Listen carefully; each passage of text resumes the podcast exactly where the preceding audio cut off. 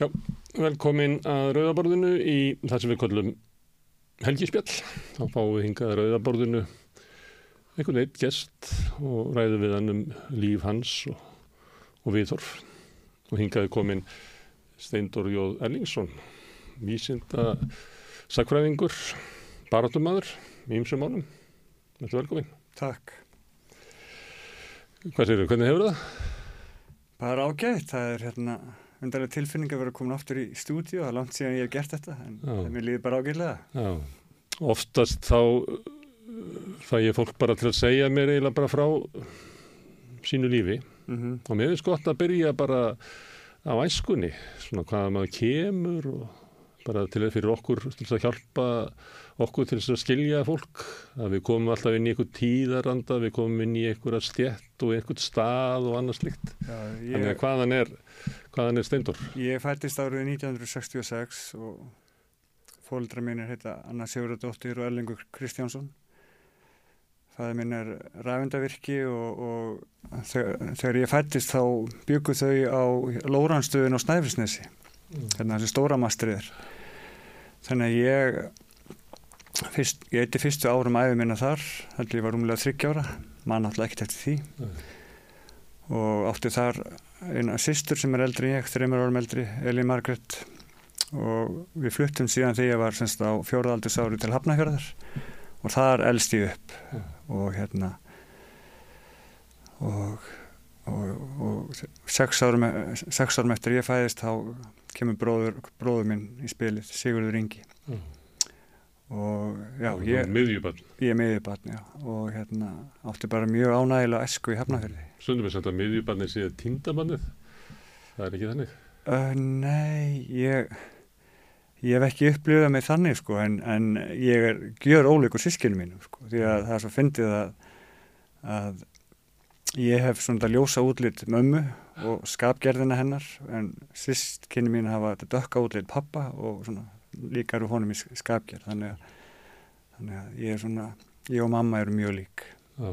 Var þetta þannig fjölskylda að það veri svona lið, þú og mamma í liði og Nei, þetta var bara... samheldin fjölskylda? mjög samheldin fjölskylda og ég átti mjög góða barnesku og Mm. bara áhyggjulegt líf eins og þetta var á þeim tíma fyrir tíma, daga snjálfsíma og maður fór, bara út að leika sér og, og fóröldar þurftu bara að þóla það að börnum kom bara þegar þeim endaði Já. En nú hefur þú skrifað mikið og sagt frá hérna glímuðinni við þunglindi já, og maður gæti eiginlega sagt, og þú hefur sagt það, að þú hefur eiginlega búið í helviti stærsta hluta æfiðinar. Í grein sem að er í rítinu, já, að þá skrifaru það að, að þú hefur meir og minna verið í helviti undanferðið 30 ár. já, já það er, ég er búin að búa við gríðarlega erfileika sem að maður reykja til áfalla sem var fyrir árið 1988 sem, í, í Eþjópíu Já, þegar þú ert orðin, ég er á 21. öðru aldursári. Já, þá fer ég er maður sendur, er ég valinn úr hópi nokkur umsækjenda til þess að vinna sem sjálfbóðalið fyrir Rauðakrossin í, í Godjam hér að í, Eþjópi.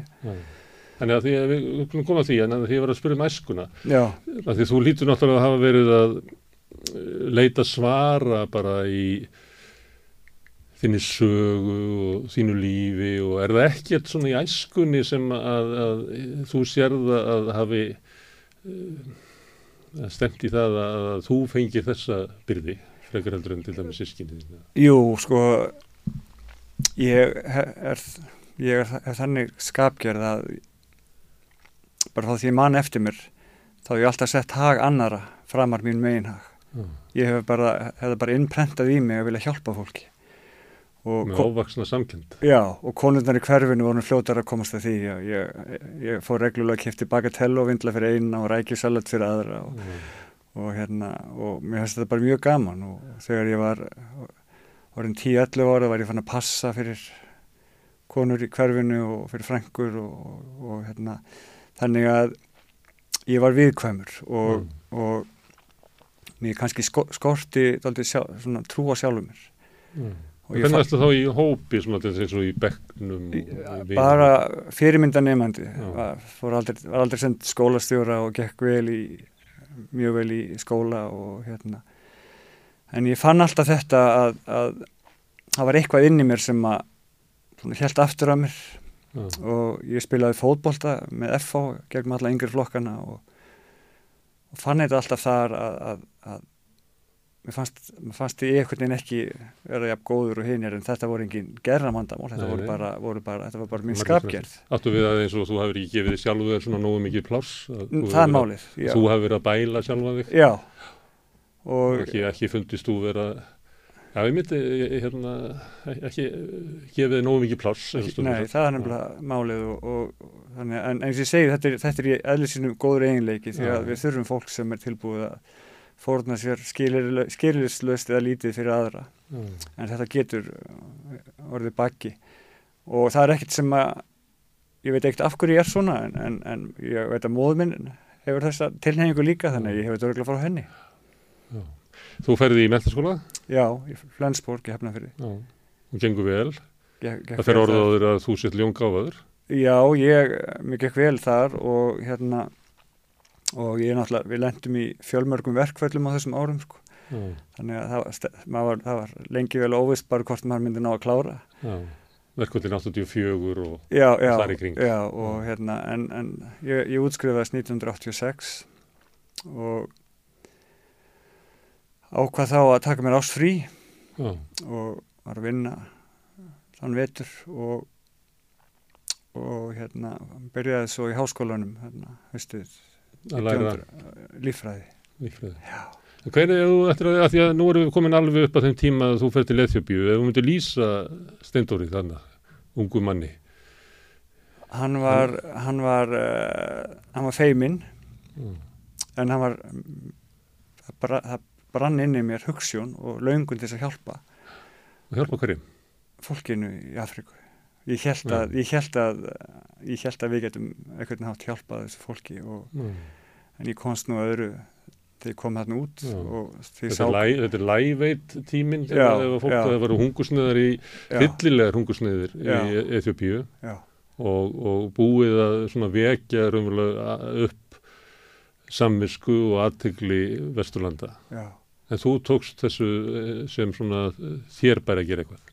Já, og ég sá bara auðlýsingu í einhverja dagblöðunum þar sem að Rauðkorsin var auðlýst eftir sjálfbóðalegum til að fara til Eþjópíu og ég sótti um og komst í gegnum allar þinningar og endanum voru við valin eitthvað 12-14 til þess að fara, vorum senda á tvö helganámski þar sem var farið við lífið þarna og ég man eftir það var sænsk ungkona frá Svíþjóð sem kom og var með okkur og svona helt utan á námskeið og sem hafði mikla reynslu að starfa í Eþjópi og ég man þegar hún sagði við okkur að eitt af því sem þið munum fljótlega byrja að gera er að tala daglega um hæðirnar ykkar því að líf, lífið mér snúast um það meira og minna og ég man alltaf fannst það bara fáranlegt en það kom í ljósa að svo var raunin. Og, og það var það var þá þegar var búið að velja eina unga konu sem fór með mér Mm. og, og svo var ég valinn úr var ég valinn úr þessum 12-14 mann hópits að fara með henni Þeir fóru bara tvö. já. Og hvað áttu þið að gera? Við áttum að fara inn í verkefni sem að Stefán Hafstein var búin að undirbúa í Eþjópíu og það miðað, miðal hans því að fá fólki til þess að borða fisk, það bjóð hérna við Tana, ég, þorpið sem ég bjóði var uh, heitir hérna Bahardar. Og var smáþorp þá en ég, ég googlaði þetta eru stórborg í dag, ég trúði ekki þegar ég sá háið sinnar þeir, þetta þorp er við Tanavat sem er önnur uppspretta nýlar Mm. og, og náttúrulega fólk, það, fólk, fólk er bara það hafði ekki þann, þann kultur að, að fara að veiða fisk, fiskin í vatninu þannig að það átti að hj- hjálpa því að, að, að veiða fiskinn en, en við náttúrulega maður átti að þess á því þegar maður kom þarna út að, að þetta er eins og að það er allt svo svifa sent þarna að allar áallanir það er stóðust ekki og þegar ég fór heim fársjúkur og þá var rauninu óskup lítið farið að gera sko. Þannig að þið höfðu lítil tæki til þess að framkama verki sem þið ætlaðið. Já, við, það var verið að og, svona kannski mikilvægasta verkefni sem að var byrjað þegar við komum og, og við vorum svona að fylgjast með var að, að byggja brunna yfir vassból mm. því helst sko forsenda heilbriðis er reynd vatn Mm. og í þorpónu sem við heimsóttum að þar var, fór, fór, fór konur og börn að sækja vatn í sömu vassból og hústýrin og Já, en, oft langar drukku leiðir. úr og, og maður átt að sjá því að, að það, það, það er mjög flókið að, að koma með okkar evrósku þekkingu og, fá fólkið þess að skilja það. Til dæmis, ég man að vinnukonun okkar hún átti ungan strák sem var með úttanning hvið og greinilega með ormasíkingu og hann bara gerði hægði sínar í gardinum í þessu litla húsi sem við byggum í. Og hún eitthvað virtist ekki skilja því vorum henni að segja henni að, að, hérna, að það mætti ekki koma við kúkin því að þá Mm. endur smitaði sig. Já, þannig að þetta tekur tíma að koma þessu sem okkur finnst vera sjálfsögð þekking. Mm. Og hérna, svo man ég eftir einnig skemmtilegri sögu sem að þýskur hjúkunarfræðingur sem var að vinna svona, að reyna að draga úr badnegnum kvennana hún saði okkur söguna því að hún kom í þorp og var að reyna hérna kenna að smokka svo daginn eftir hún vaknaði þá voru allir krakkarnir bara bl- blás Mm. smokkan og búið blöður úr þeim Mm. Þannig að þetta er ekki eins einfalt og, og, og kannski ég, ég var náttúrulega bara ungur og óreindur og þetta var miklu flóknar allt saman en, en, en ég hérna held og, og svo bara er, er hjálpa, hjálpastörfin sko snúast, ég áttaði með því að þau snúast ekki alltaf bara um að hjálpa semst einhverju þróunarlandi heldur líka yðnaði í, la- í, landi, í landinu sem að er að gefa peningar og þetta sá ég rosalega skýrt í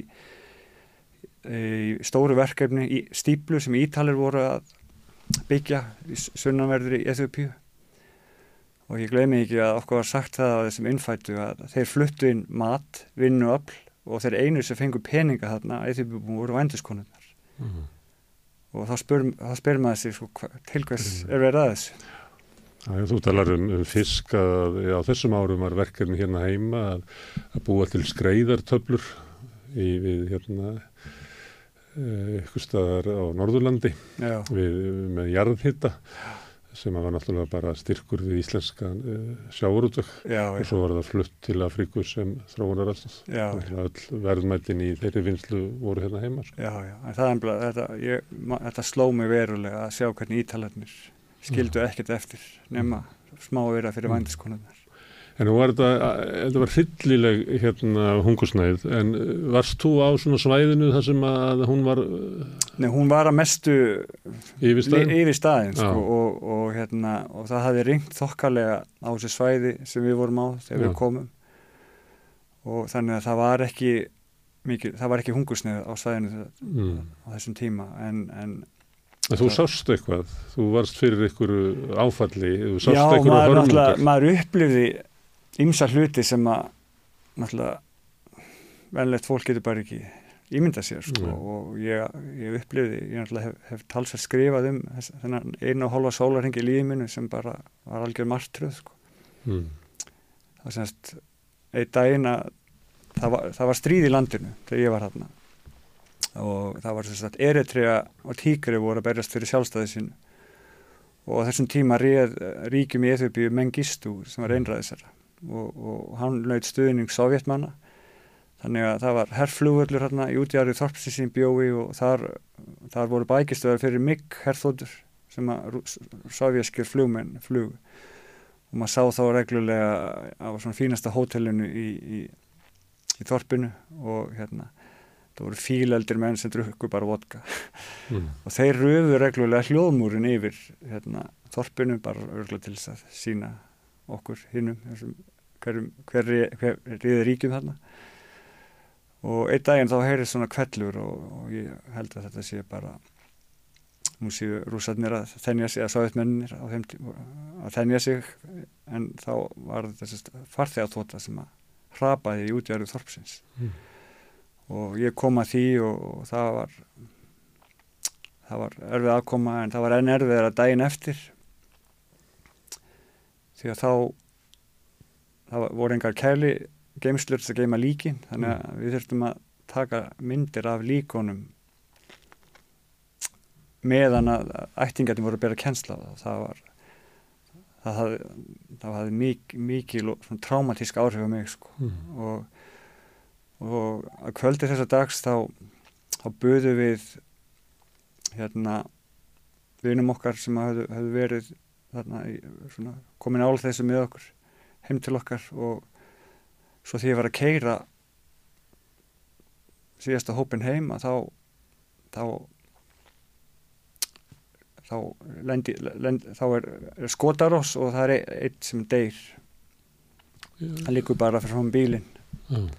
með byssukúli gegnum hérna gegnum brjóskassan og eins og ég segi, ég er búin að skrifa um þetta talsett aður fjallaði um þetta en, en fyrir svona hundaveði yfir þetta og, og í staði þess að flýja sem ég hefði átt að gera því að ég hefði getað skotin hérna Mm. þá beigði ég bara og, og, og því ég gæti ekki farið frá þessu manni Mm. og fór með hann á spítalan það var ekkert að gera og þeir bara skildi hann eftir þannig að ég held í hendina hann þar til, að, Mm. Þar til hann gafa böndin Mm. þetta upplifði ég semst á einum hálf sólaring Já. og, og þannig að þetta hafði rosalega slæm áhrif á mig og, og, og svo náttúrulega veik, veiktist ég alvarlega Ga- var miklu skemur en ég ætlaði mér. Já. og það var rosalega traumatist að en ég fjalla nánar um þetta í bók sem er að koma út í haust þannig að, þannig að kannski óþæra að vera.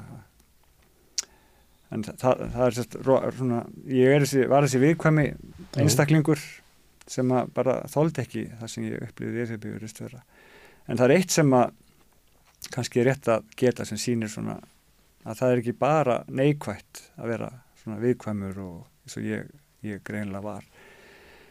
Eitt af því sem að maður kom, fljót, kom fljótlega að þarna út í Eþjópíu er að evróska eða hvíta hjálpar fólkið, hvítu hjálparstafsmennir þeir eignuðist eiginlega aldrei vini. Þeir kynntist ekkit innfætt og ég veit ekki hvað það var eitthvað í mínu fari sem að gerða verkum að ég eignaðist alveg bara fullt af vinum. Mm. og þetta spurðist til höfustöðuna í hérna, höfustöður Rauðkrossins í, í Addis Ababa. Og ég var beðin um að halda námskið Mm.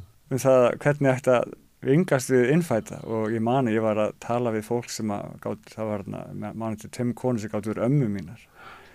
Og ég náttúrulega skildi ekki þá hvað var í mínu fari sem að gerða verkum að, að ég eignast þessa vini, það var bara það, ég var ég var þessi bara hjartalíði strákur sem vildi vera vinur allra Já, meina hitt fólki var kannski uppi með svona varnir gagvart óhugnarlegu ástandinu. ég veit það ekki, já, ég, En þú varst ég, ég var bara varnarlaus. næf ég var varnarlaus, algjörlega varnarlaus Þannig að það var eiginlega triksið, það ekkert Já. vini er að fella niður varnirnar sér. fella niður varnirnar og já, ég, En það er, getur verið háskalegt á svona háskastöðum. ég þetta er bara eins og að, að, að vera læknir og vera ekki með Brynju þú myndi ekki, endist ekki lengi í starfi Mm. ef þú Brynjar þig ekki fyrir öllu sem þú sér sko. En þú varst þarna varnarlaus.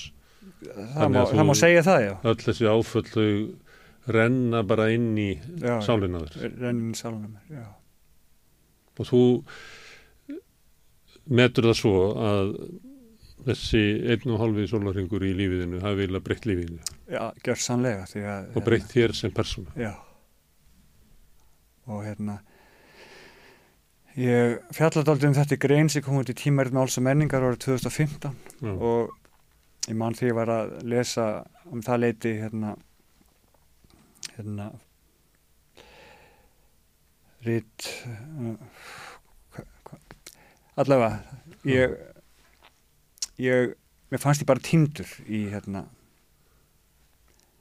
því ég kom heim og, og, og ég hafði bara, hafði bara mjög svona grimma sín á lífið. Og ég, ég man eftir því að ég saði bara við fólk að ég kom heim náttúrulega með livrabólgu og, og síðan kom ég ljós ég var með bergla þannig ég var alltaf veikur í svona eitt og hálft ára eftir að ég kom heim.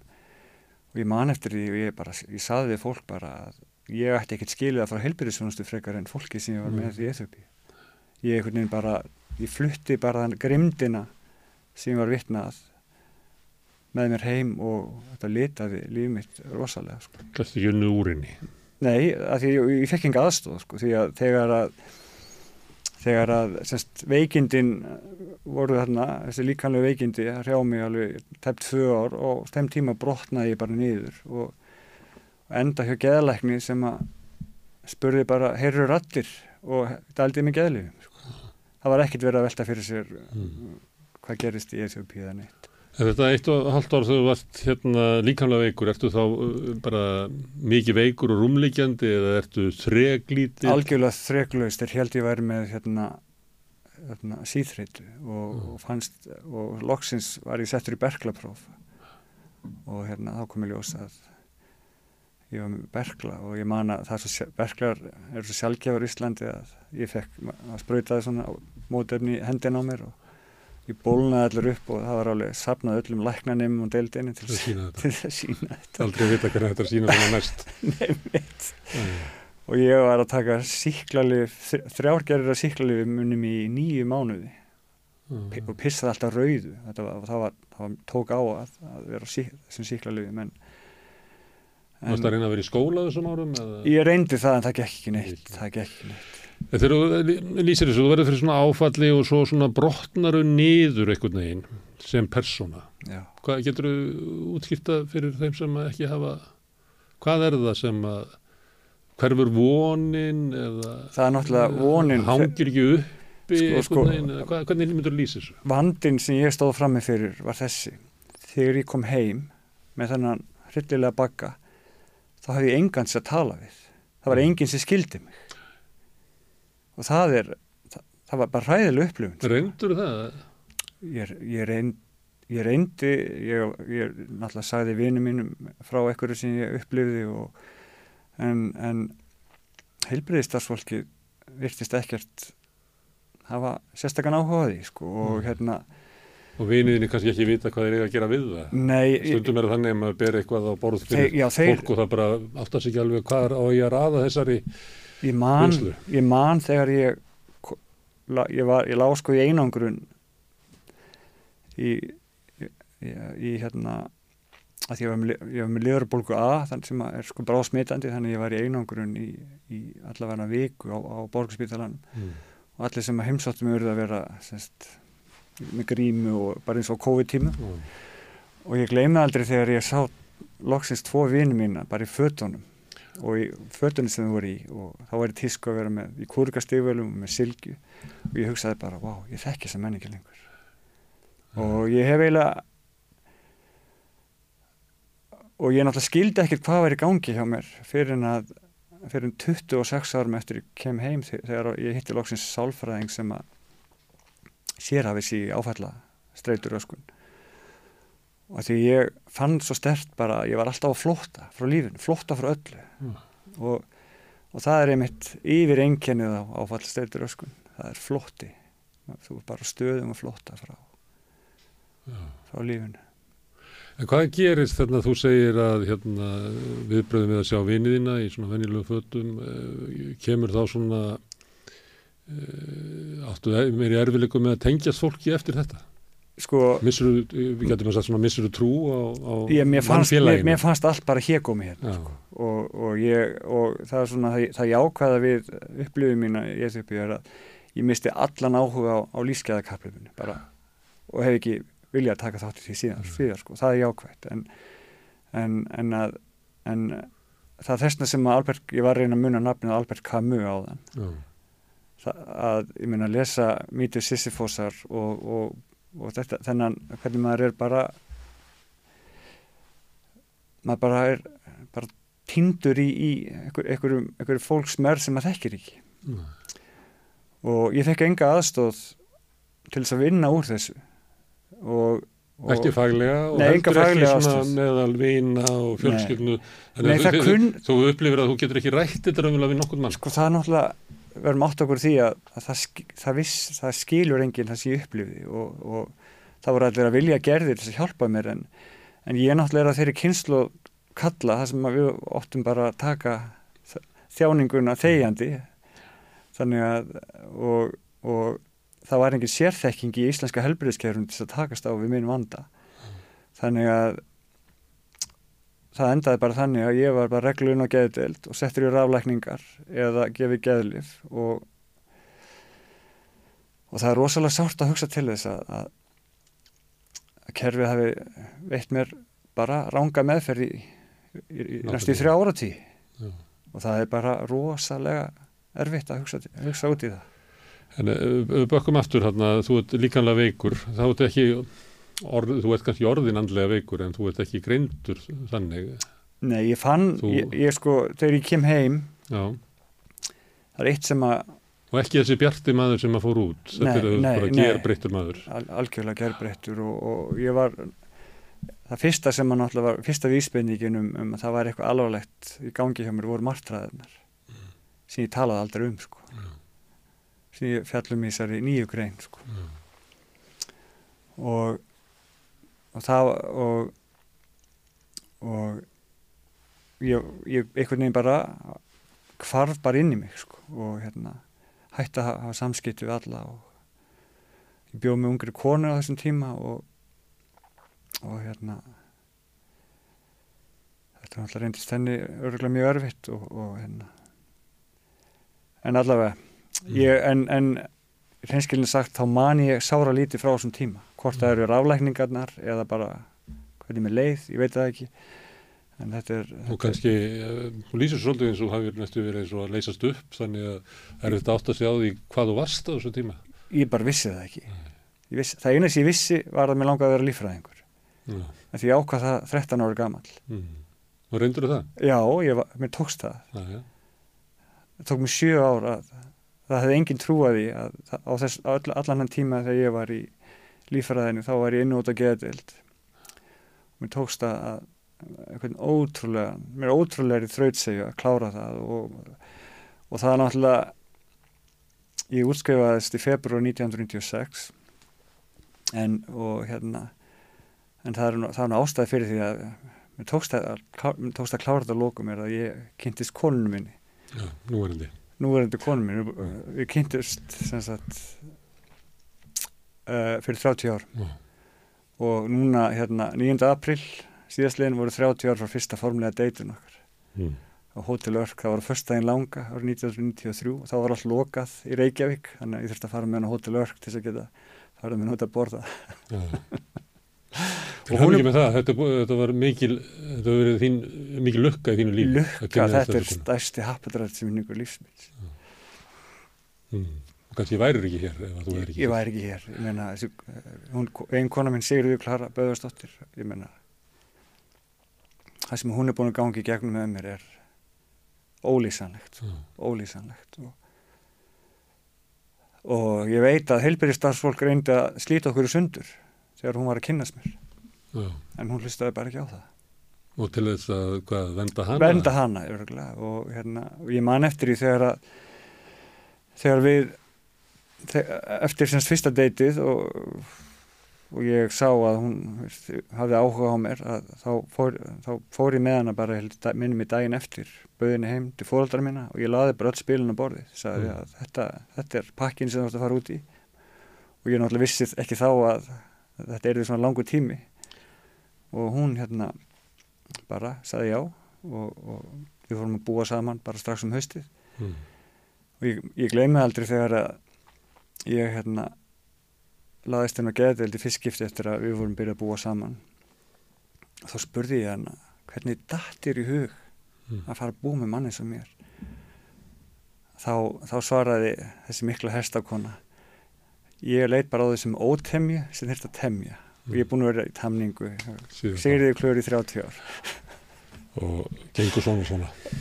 já ég menn ég á, á límit henni að þakka. Já. það er bara þannig Herðu, en þú ert þess að líkanlega veikur, en svo hérna verður andlega veikur, eða skilgrindur þannig. Hvað er eitthvað svona tímapunktur við það að, að, að þegar þú ert að glíma Nei. við berglan á eitthvað flera að, að þú ferð inn á gæðdild Ég eða ferð til gæðlagna? ég man, sko, eins og ég sagði á þann þetta, þetta, þetta tímabil er kannski er það bara hugurinn bara að venda mig fyrir erfileikunum sem ég upplifði þarna en ég man mjög lítið eftir þessu. Ég man bara eftir svona nokkrum glefsum úr tímunum hjá geðlagnum sem ég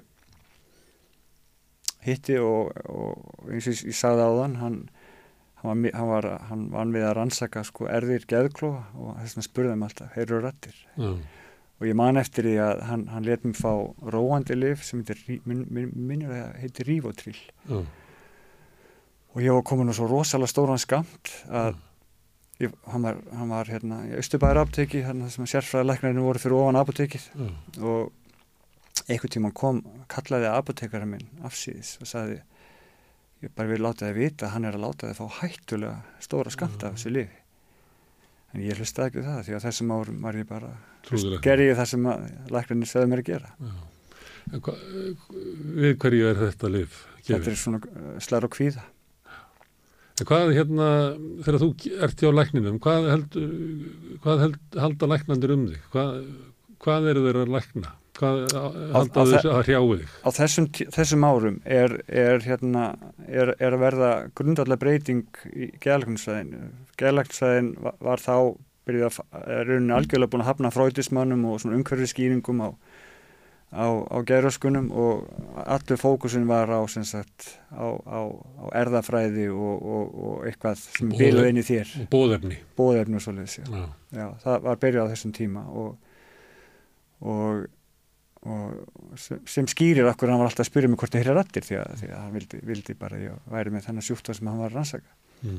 en ég man sára lítið og við töluðum um uh, þetta voru svona stefnulegs viðtöl ég menna ég með leið rosa lítla og hann gerði sitt besta, hann bara, hann gæti ekki hjálpa mér af því að hann hafði ekki sérfræði þekkingu til að takast á áföllin og mér langar að segja þér eina mjög sorglega sögu. Ég, á, sagt, ég lá reglulega inn á inn á borgarspítalanum á deilda A2 og þar var, voru henni ymsu lið prófuð og ég reyndi ímislegt þar. Og svona sársöka fyll, fyllsta reynslan sem ég upplifið þar fyrir utan hérna þetta sem, sem ég skrifið mig greininni Mm. var það að það hérna, borgarspítalinn var með dagdeild hérna í, í þarna góðtemplarhúsin í Kjallarann Mm. og ég þá á þeim, þessum árum þá þurftir að fara í gegnum mjög ítalega sálfræði rannsókn áður en en var ákveðið hvort þú mætti fara í hérna þessa dag, dagdeild og þessa meðferð og ég var settur í gáfnapróf, ég man að ég var látið sko, hérna að hérna klessumyndirnar sem að maður sér Mhm. eftir bíómyndum ég var, það var sálfræðingur sem að hérna síndi mér þær og ég átti að tólka þær. Og, og þetta var alveg einstaks að minnst kosti einn dagur sem fór í þetta. Svo gleymi ég ekki þegar hérna læknirinn kom og sagði stendur, já, það komið niðurst að ég sagði, já, hva, já þú ert, þú ert ofveikur Og veikur til að til að við dagdeild. færi meðferðin og þá spurði hvað ætlaði að gera við ætlum, við ætlum að útskrifa þig og, og ég man ég, ég labbaði út af borgspítalan ég labbaði nýra höfn í Reykjavík og ég stóð þar lengi og bara hugsaði nú, nú, ég get ekki meira sko. og hérna og það er bara til þess að svona varpa ljósi á hversu illa með leiðir að það er fleiri en einn læknir sem sagði við mig að þú er bara með og þeirra andla, þetta er algjörlega ábyrjulegst að segja þetta að þú segir ekki við, við sjúklingiðin að þú ert með versta þunglindi sem ég séð sko. en þetta heyrði ég Þú nefndir áðan rálækningar og það er að reikla verið inn á borgarspítala á þessum árum. já, voru mikið notaðar.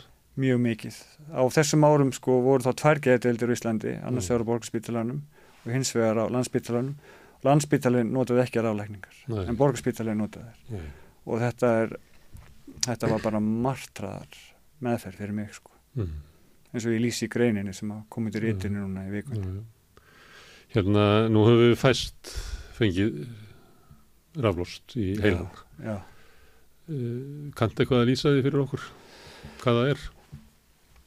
Uh, þetta er náttúrulega sko, raflækningar eru arfleið er, er, er arfleið svona kenninga frá UG-lækningsvæðinni frá fyrirluta 20. aldar Mm. þá trúðu geðlæknir því að ef þú framkallar krampa að þá hérna dregur úr vanlíðan fólks Mm. og menn notuðu ímislegt til þess að framkalla krampan menn framkalluðu insulinsjokk Mm. ímynda þeirra það var, það var sprautað insulin í fólk til þess að framkalla krampa svo sett sigur inn og það fólk dó Mm. og það var gefið hérna eitur sem manni hvað heitir Mm. sem að framkallaði svona krampa og svo var það ítalsku geðlæknir sem að uppkvitaði hérna, þess að sagan segir, ég veit ekki hvort hún sé sönn að aðstofum að þessa, þessa geðlagnis, þetta er skemmtileg saga, ég, ég veit ekki hvort hún sé sönn mm. að ég lasa hann eitthvað staðar. Og hún var þannig að aðstofum að þessa geðlagnis, hann var að lappa fram hjá svínasláturhúsi í borginni sem, það sem hann, þeir byggu og, og hann sá það að, að þeir hliftu rafstruð á höfuðið á svínunum áður en þeir skáruðu háls og þeir fóru svona krampa. En hvort þetta er satt veit ég ekki en, en einhvern veginn fund, fann þessi þess ekki geðleiknur það út að, að þetta frangallaði krampa. Og, og og hérna fyrstu árun sem þetta beitt var, var fólk ekki svæft og fekk ekki vöðvarslagandi þannig að það beinbrotnaði í, í þessu. Þannig að þannig að nú er það miklu manneskilir nú er fólk svæft og allavega þeir, ég fekk vöðvarslagandi í rassin en það sem að gerir ráðlækningarnar á borgarspíturum svona traumatíska fyrir mig mm. er að ég við svæfinguna þá upplýði ég alveg gríðarlega köpnantilfinningu alveg bara þannig að ég var alltaf logandi hrættur Og þegar þú ert að sopna? Já, já, all, já. alveg rosalega köpnumtilfinningu og, og ég hugsaði alltaf, okkur var rúlað á bekk úr hérna að getildinni inn í nýju viðbygginguna og það var, ég með þetta var, þetta var bara síðan hotveikju, það var í loftinu, það sem að hurðin var yfir nýju viðbygginguna voru hérna, það voru röri, ber röri í loftinu og ég man að það fór eins og drópa á nefa, við leið eins og ég var hotveikju og ég, ég, var rúlað inn í, inn í dimt herbergi það sem voru fullt af konum. Ég var eini maður, ég var ungur og allt hitt fannst mér bara að vera gamlar konur og það voru flestar kjögrandi voru allir að býða eftir ráðast já, allir að býða eftir ráðast þetta var bara eins og versmiða versmiða og, og, og ég var að hugsa allir þessi jafn hrættar og ég við svæfinguna. Mm. og ég held, ég held að svæfing væri svona bara maður fengi svona köpnatilfinningu svo einhverjum árum eftir að ég upplýði þannig að ég, þannig að ég, ég held að þetta væri bara normalt sko, mm. svona væri bara svæðing. En svo er ég ekkert sem hann í partí einhverjum árum eftir að þetta er yfirstæðið og hitti frængu mína sem er gjörgjæslu hjúkurnafræðingur mm. ég fór að segja henni frá þessu. Og hún var að tala um svæfingar og, og hérna og ég sagði já það er svo hrikalegt að svæfa sem að það er svo rosalega köpnatilfinning mm. þá sagði hann ha? Hvar talum og ég saði henni frá þessu, hún saði já það er bara einn skýring á þessu, þeir hafa dælt söflifinu allt á frattinu og hún saði strax eftir helgi allir farinir og getild og tala. Mm -hmm. tala við fólkið þar. Og ég veit ekki hvort hún gerði það, ég vona það Það var eitthvað dreyið úr þessum ráðlækningum hann að þetta var nú tengt fyrst og fremst bara einum gælan Nei, nei, nei, það er notað ennþá á, Ekki heldur það séu Á landsbyttilann, já, ég, já, ég farði Það séu margir sem að býða það fyrir utan Nei, þetta er gert alltaf öruvísi núna sko. Núna, hérna og ég man þegar ég fór í fyrst skipti í ráðlækningar á landsbyttilann Ég gleymiði aldrei þegar ég saði loðandir hættu við saðingalæknin Vistu að ég fær svo miklu köpnum tilfinningu mm. þegar, að, þegar ég svæður hann bara horða mig, nei þú far ekki köpnum tilfinningu með mér. Mm. og þá fekk ég eðlilega svæðingu mm. En þegar þú vaknar eftir En ímyndaðir sko, ef, ef, ef að þetta hefur, þetta hefur gert í ára raðir við fjölda einstaklinga þetta er, þetta er bara, þetta er skelvileg tilhús Saga gælanin er svolítið svona? Því, hérna, því miður. það er umgeng, sjúklingandir eru um, umgengni með sérstökum hætti. Bara það lítur hlustað á já, já, já, það er búið að missa allan status þegar það kemur inn. Það er sagt að, að sko, frasin er þú hefur ekkert innsæði inn í sjúkdómin sko. en þetta, þetta hefur, ég hef aldrei talað um þetta ofnbörlega fyrir nýsari grein En þegar þú vaknar eftir raflost, hvernig líður þá? maður er, eh, maður er mjög rugglaður með dúndrandi hausverk og maður ma, ma, ma, mana ofta ekkert hvað hafi gerst í aðdraðandunum já, já, en, en það kemur, kemur aftur sko. og, og, og það sem ráðleikin gerðu oft hjá mér er að þær liftu mér tímabundið upp úr vesta mm. Helvitinu Það getur maður sagt að ráðlóstu virkaði þannig að fólk glemdi því að verið þunglind E, e, eitthvað hluta, kannski, kannski skemduður heilan svo mikið að maður glemti, ég veit það ekki. En, en þar, þetta var þetta var, þetta er rauninni faktist að eina eina læknisfæðilega yngrippið sem ég hef upplifað sem, að hefur, hefur virkað eitthvað, bara í skamman tíma sko, einhverja vikur og einu sinni fór ég alveg svífurlega maníu eftir þetta. En versta árið 2003 þá leið mér svo illa að þá var ég settur í sagt, þú fyrir að fara afstuð þá var það, ef þú ert örfendur Mm. réttendur þá er það sett sagt á hægra kvölið hérna, Mm. hér og ef þú ert örfendur þá, sem sagt, á anstætt kvel Mm. en stundum er sett á bæði kveli Mm. og ég var á sérstaklega slæmum stað árið 2003 ég fjallaði þetta, um þetta meðal annars í, í, í greinu sem kom út í tímært máls og menningar. Og ég skrifaði greinuna sem byrtist líka á ne- netinu og ennsku og tengist svona óbeldishugsun sem ég fekk út af geðljón, ég vil ekki tala um það meira ég, það er bara, það er búið sem er rakið til geðlifina, ég fjalla ítalega um, um þetta þar. En, en lausnin við því var að setja rafstuð báðum megin. og það þurrkaðist út minnið. Minnið bara, margra mánuða ég man ekkert, ekki ennsku Þú veist bara marga mánuð að raða þið saman aftur nei, eða- ég veit, eða veist var ekki bara tiltekið tímabil sem bara horfið, eilífu. Og hérna og ég þurfti að púsla saman hvað gerðist í gegnum tölvupósta og, og, og það sem kona minn sagði mér. Mm. og það var surrealist. Ég var sendur ég átti, átti indislegan vin í geðlæknastjettinni, Pétur Haugsson sem var þá yfir geð, deil, geð, geðsviðinu á, á, á Reykjalundi og hann bjargaði lífið minni sko, aftur og aftur, ég fekk ofta að vera þar og, Mm. og, og hann tók við mér eftir innlögnun á borgarspílunum hérna, ég man ekkert eftir því, ég man bara eftir því. Ég, hennu, ég stóð fram að speil á Reykjalundi. Ég þekkti ekki mannin sem var, ég sá í speiklun Mm. því ég hafði græns svo mikið, hafði ekki hugmynd um hvernig það gerðist. Nei. Þannig þú varst an, annar en þú mundir síðast eftir já, já, ég myndi bara eftir með, stóra ístru og ístru með farin Þú, uh, þú hefur fengið oft farið í raflækningar eða fengið oft, raflækningar. oft. Og hvað eru það að tala um? Tíu sunnum? meinur, margar, 40 margar tíu skipta sko. En, en, það var rauninni það eina sem höfðu fyrir mig á borgarspítalanum, það voru aflækningar því ég var svo slæmur Mm. En þetta hefur, hérna, þetta þurkar út, þetta hefur, þetta veldur svona einhverjum skaða í heilanum, bara svipað og, og, og flogavíkisköst og svona það strókast alltaf eitthvað út og þetta veldur álægi á heilan. Heldur að, að, að, að þú hefur orðið fyrir svona einhverjum skaða af þessu, svona, sko, fyrir utan þessu, þú að vantar, vantar í því nokkrar svona, eitthvað tímabil sem mannst ekki maður þarf, að, maður þarf að hugsa sko, hver var staðan mín áður. þegar ég sendur í ráðlækningar ég er, ég er, ég er nánast fullviss. Ég, og eftir með það sem ég hef lesið síðar er að þetta er ekki gott fyrir heilan að fara ráðlækningar en eins og staðan var hjá mér á þessum tíma að ég vissum að, að þetta var nöðsynlegt fyrir mig Já, og sérstaklega árið 2003 því að þá þá var ég bara þannig ég var ekki bara hættulega sjálfur mér heldur var ég hættulega fólki kringum mig. Mm. en lausnin þá hefði verið að taka mig af livjónum sem ég var, voru að framkalla þetta en, en læknarnir hefði ekki hugmyndum að þetta veri sjálfgæf aukaverkun því að lifaframleðendin leta það ekki vita af því já.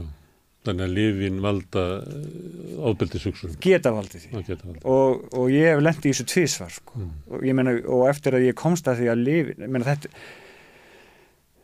þetta er það versta sem hægt er að lendi í þetta, þetta, er, þetta er svo skelfilegt að þegar, þegar ég lendi í þessu fyrraskiptið þá var ég ný búin, ég var nýbyrjur að taka lif sem heitir sípramil bara búin að taka því tvo þrjá daga þá fekk ég sjúklega löngun í að skaða nýfættan són minn og konu minn og þetta var, var þetta, þetta, þetta var á, ég þorði ekki að segja neinu frá því sko Mm. og þetta, þetta, er, þetta er það versta af öll, ég meina, allt annað sem ég þurfti að kljást við í geðvíkinni er barnalegur. Verður til að bera það. Hvað var þetta langu tímabil? Þetta var í marga vikur. marga vikur svona, svona hugsanir. Og þetta eru svona raunverulega hugsanir, þetta er ekki eins og stundum er líst sem áhrifum að, að gælifum sem er einhver svona sálar angist Nei, nei, þetta var- þetta var- djúpusásli getur bara skýrar hugsanir. Þetta var, þetta var, það var engin rödd að segja mér þetta, það var bara eins og kraftur inn í mér segði, farði hnífaskúfuna Já. og, og þetta var enn verra sumar 2003 og þá sagði ég konun minni frá því og, og lækninum og endanum var, var þá gripið til þessara rá- ráðstafana. En en, þú, þú getur ekki ímyndaðir og samvinskubitið yfir þessu sem hugsunum sko var að buga mig í ára raðir. Mm. þar til ég las bók sem heitir Medication Madness þetta er bandaræskan geðalækni sem heitir Peter Breggin það sem er að fjalla um þetta. Ég gleymi ekki, ég las fyrsta kaplan það sem að fjallar um unga stelpu sem fekk sem var nýbyrjuð, alveg eins og ég okkur svona SSRI geðlifi Mm. og nokkur dögum síðar fekk hún sjúklega löngun í að taka hnífur skúffin og stinga mömmu sína. Ég bara vá, þetta var ekki Þetta var ekki, þetta var ekki ég. Já. þetta voru lífin og svo, svo fór ég að rannsaka þetta. Öll lífin sem ég er, hef, var á og, og þetta er enn hættulega að þú ert með að taka mörg líf eða skiptum líf eins og alltaf var að gera á mér. Mm. Að þau geta valdið þessu. Ég skrifaði og fjallaði um allar rannsóknirnar það er vefsíða sem heitir risk.org hvað minnum ég, risk. Allavega, greinin heitir The Man Who Thought He Was a Monster ef, ef ykkur áhuga að googla þetta, ég fjalla um þetta þar. Og þetta er sjálfgjaf aukaverkun og, og bara til að sína að þetta er ekki ykkur vittlisi ykkur um rótækum vísindamönnum heldur framleiðandi Efexos, lifið sem að setja þetta staða líklega hjá mér árið 2003 hann var skikkaður nokkur mánu síðar til að setja þetta sem, sem mjög sjálfgefa aukaverkun homicidal ideation Mm. ímyndaðir Mm. þannig ef að læknarnir vissu þetta hefðu vitað þetta þá þá hefðu þið getað gripið til annar ráðstafan en að strauja mér heilan með, með bilateral ráðlækningum Mm. og, og en, en þetta, er, þetta, er, þetta, er, þetta er svo skelfilegt að upplifa þetta og þegar ég skrifaði um þetta árið 2015 ég var bara það sem að mótiðverða mig til að skrifa um þetta hræðilegan tíma var, var það að sem á þólendur sko kynferðislegs ábeldi svo hvað til að skila skömminni þar sem hann á heima Mm. en þú getur ekki ímyndað hvað það var erfitt að skrifa um þetta Mm. og, og skömmin en, en ég, ég er búin að losna við skömmina en, en Mm. Þetta Menningin er eftir. menningin er eftir, manið allt saman þetta er, hræðilegt Varðandi þetta og ég veit, þú skrifa líka um, um þunglitið þitt og, og sjálfsvíkshugsanir og þannig að, og svo þetta lýsa þessu. Þannig að það er inn í þér uh, tilfinning og sem að hlýtur að virka bara eins og uh, bara rökrétt hugsun, eitthvað sem að ég verð að gera, en sem að þú jafnframt verður einhvern veginn að efast um sjálfa þig. Þannig að það sem að kannski, það sem að þér finnst vera mikilvægast að gera í augnablikinu er eitthvað inn í þér sem að segja líka að, þetta ekki hlusta á þetta.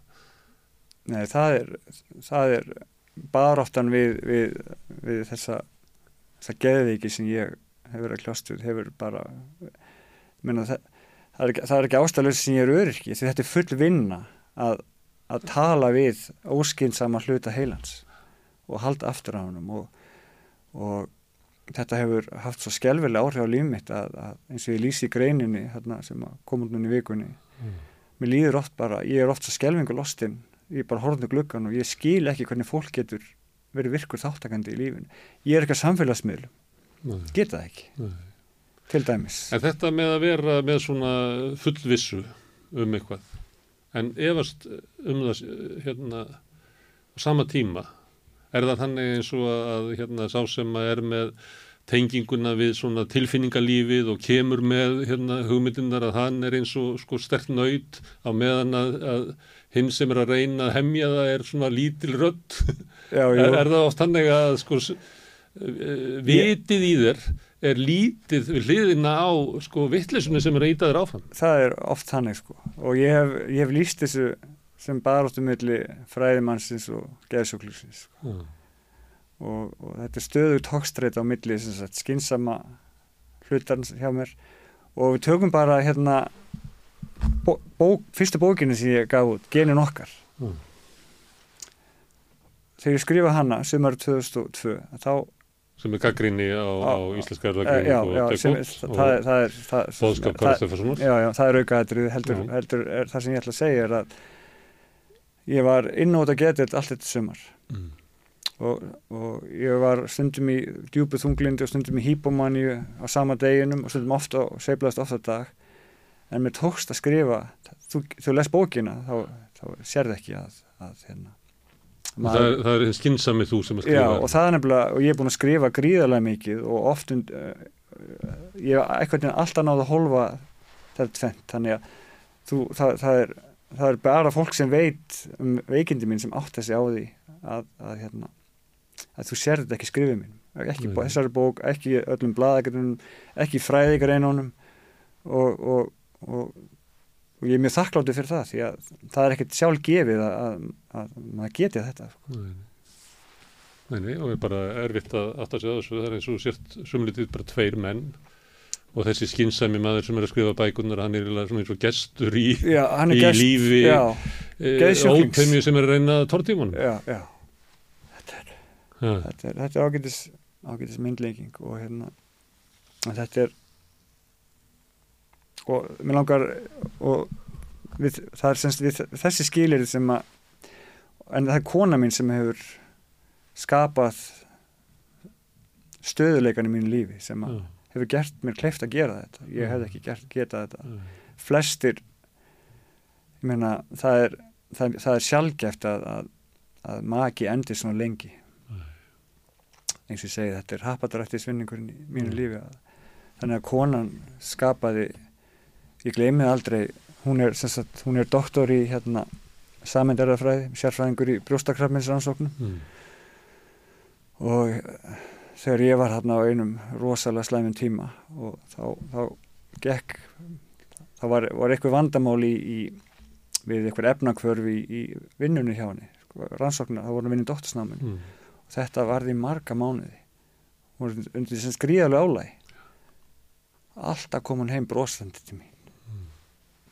þetta er ótrúlegt. Já, henni verið gefið mikið ég hafnaði ekki, hafnaði hún er svo tengdapappi hún kvílir vel í sjálfum sér. Alveg, já, eins og ég að... já, eins og ég segi greininni hún er svo kötturinn, hún já. er bara ánað með að vera hún sjálf meðan ég er búin að vera flotta frá lífinu í ára tí ára tí já. Herðu, ég vil nú byrja að lýsa reynslu sem annað fólk hefur ekki. Og þú sagði ráðan að Gellan hefur sagt við þig að þú er þungleldist maður sem að hefur séð. Já. Hvað, gætur þú lýst fyrir mér hvaða er svona þitt dýfsta þungledi?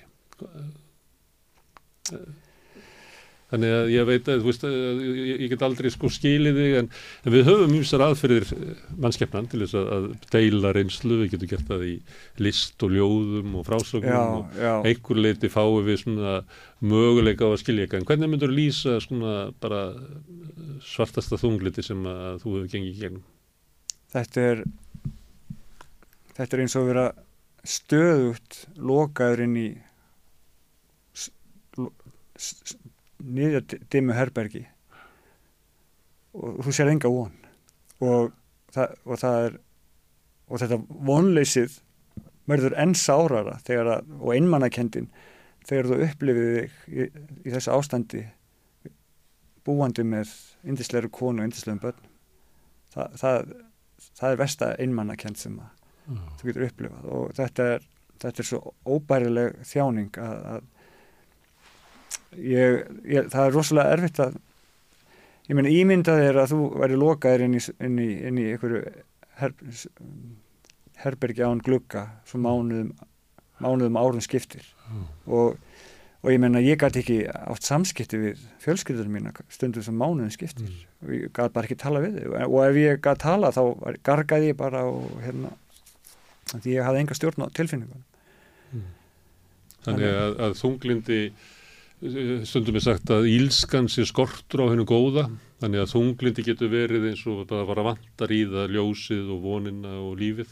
Og þú setur eftir inn í einhverju sem er svift öllu sem er allt líf. Sem, allt sem þú hefur, á, hefur áhuga á fer, þú getur ekki lesið. Þú getur ekki gert. Þetta er, er algjört tóm. bara ég meina anhedónia er einn lýsing á þunglindi, þú bara þú upplifir enga gleði Mm. Og þú liggur aðna hliðin á konuninni sem er fulla já. lífi og von og, og er eiginlega tákmynd fyrir þið góða í lífinu, í þínu já, lífi já.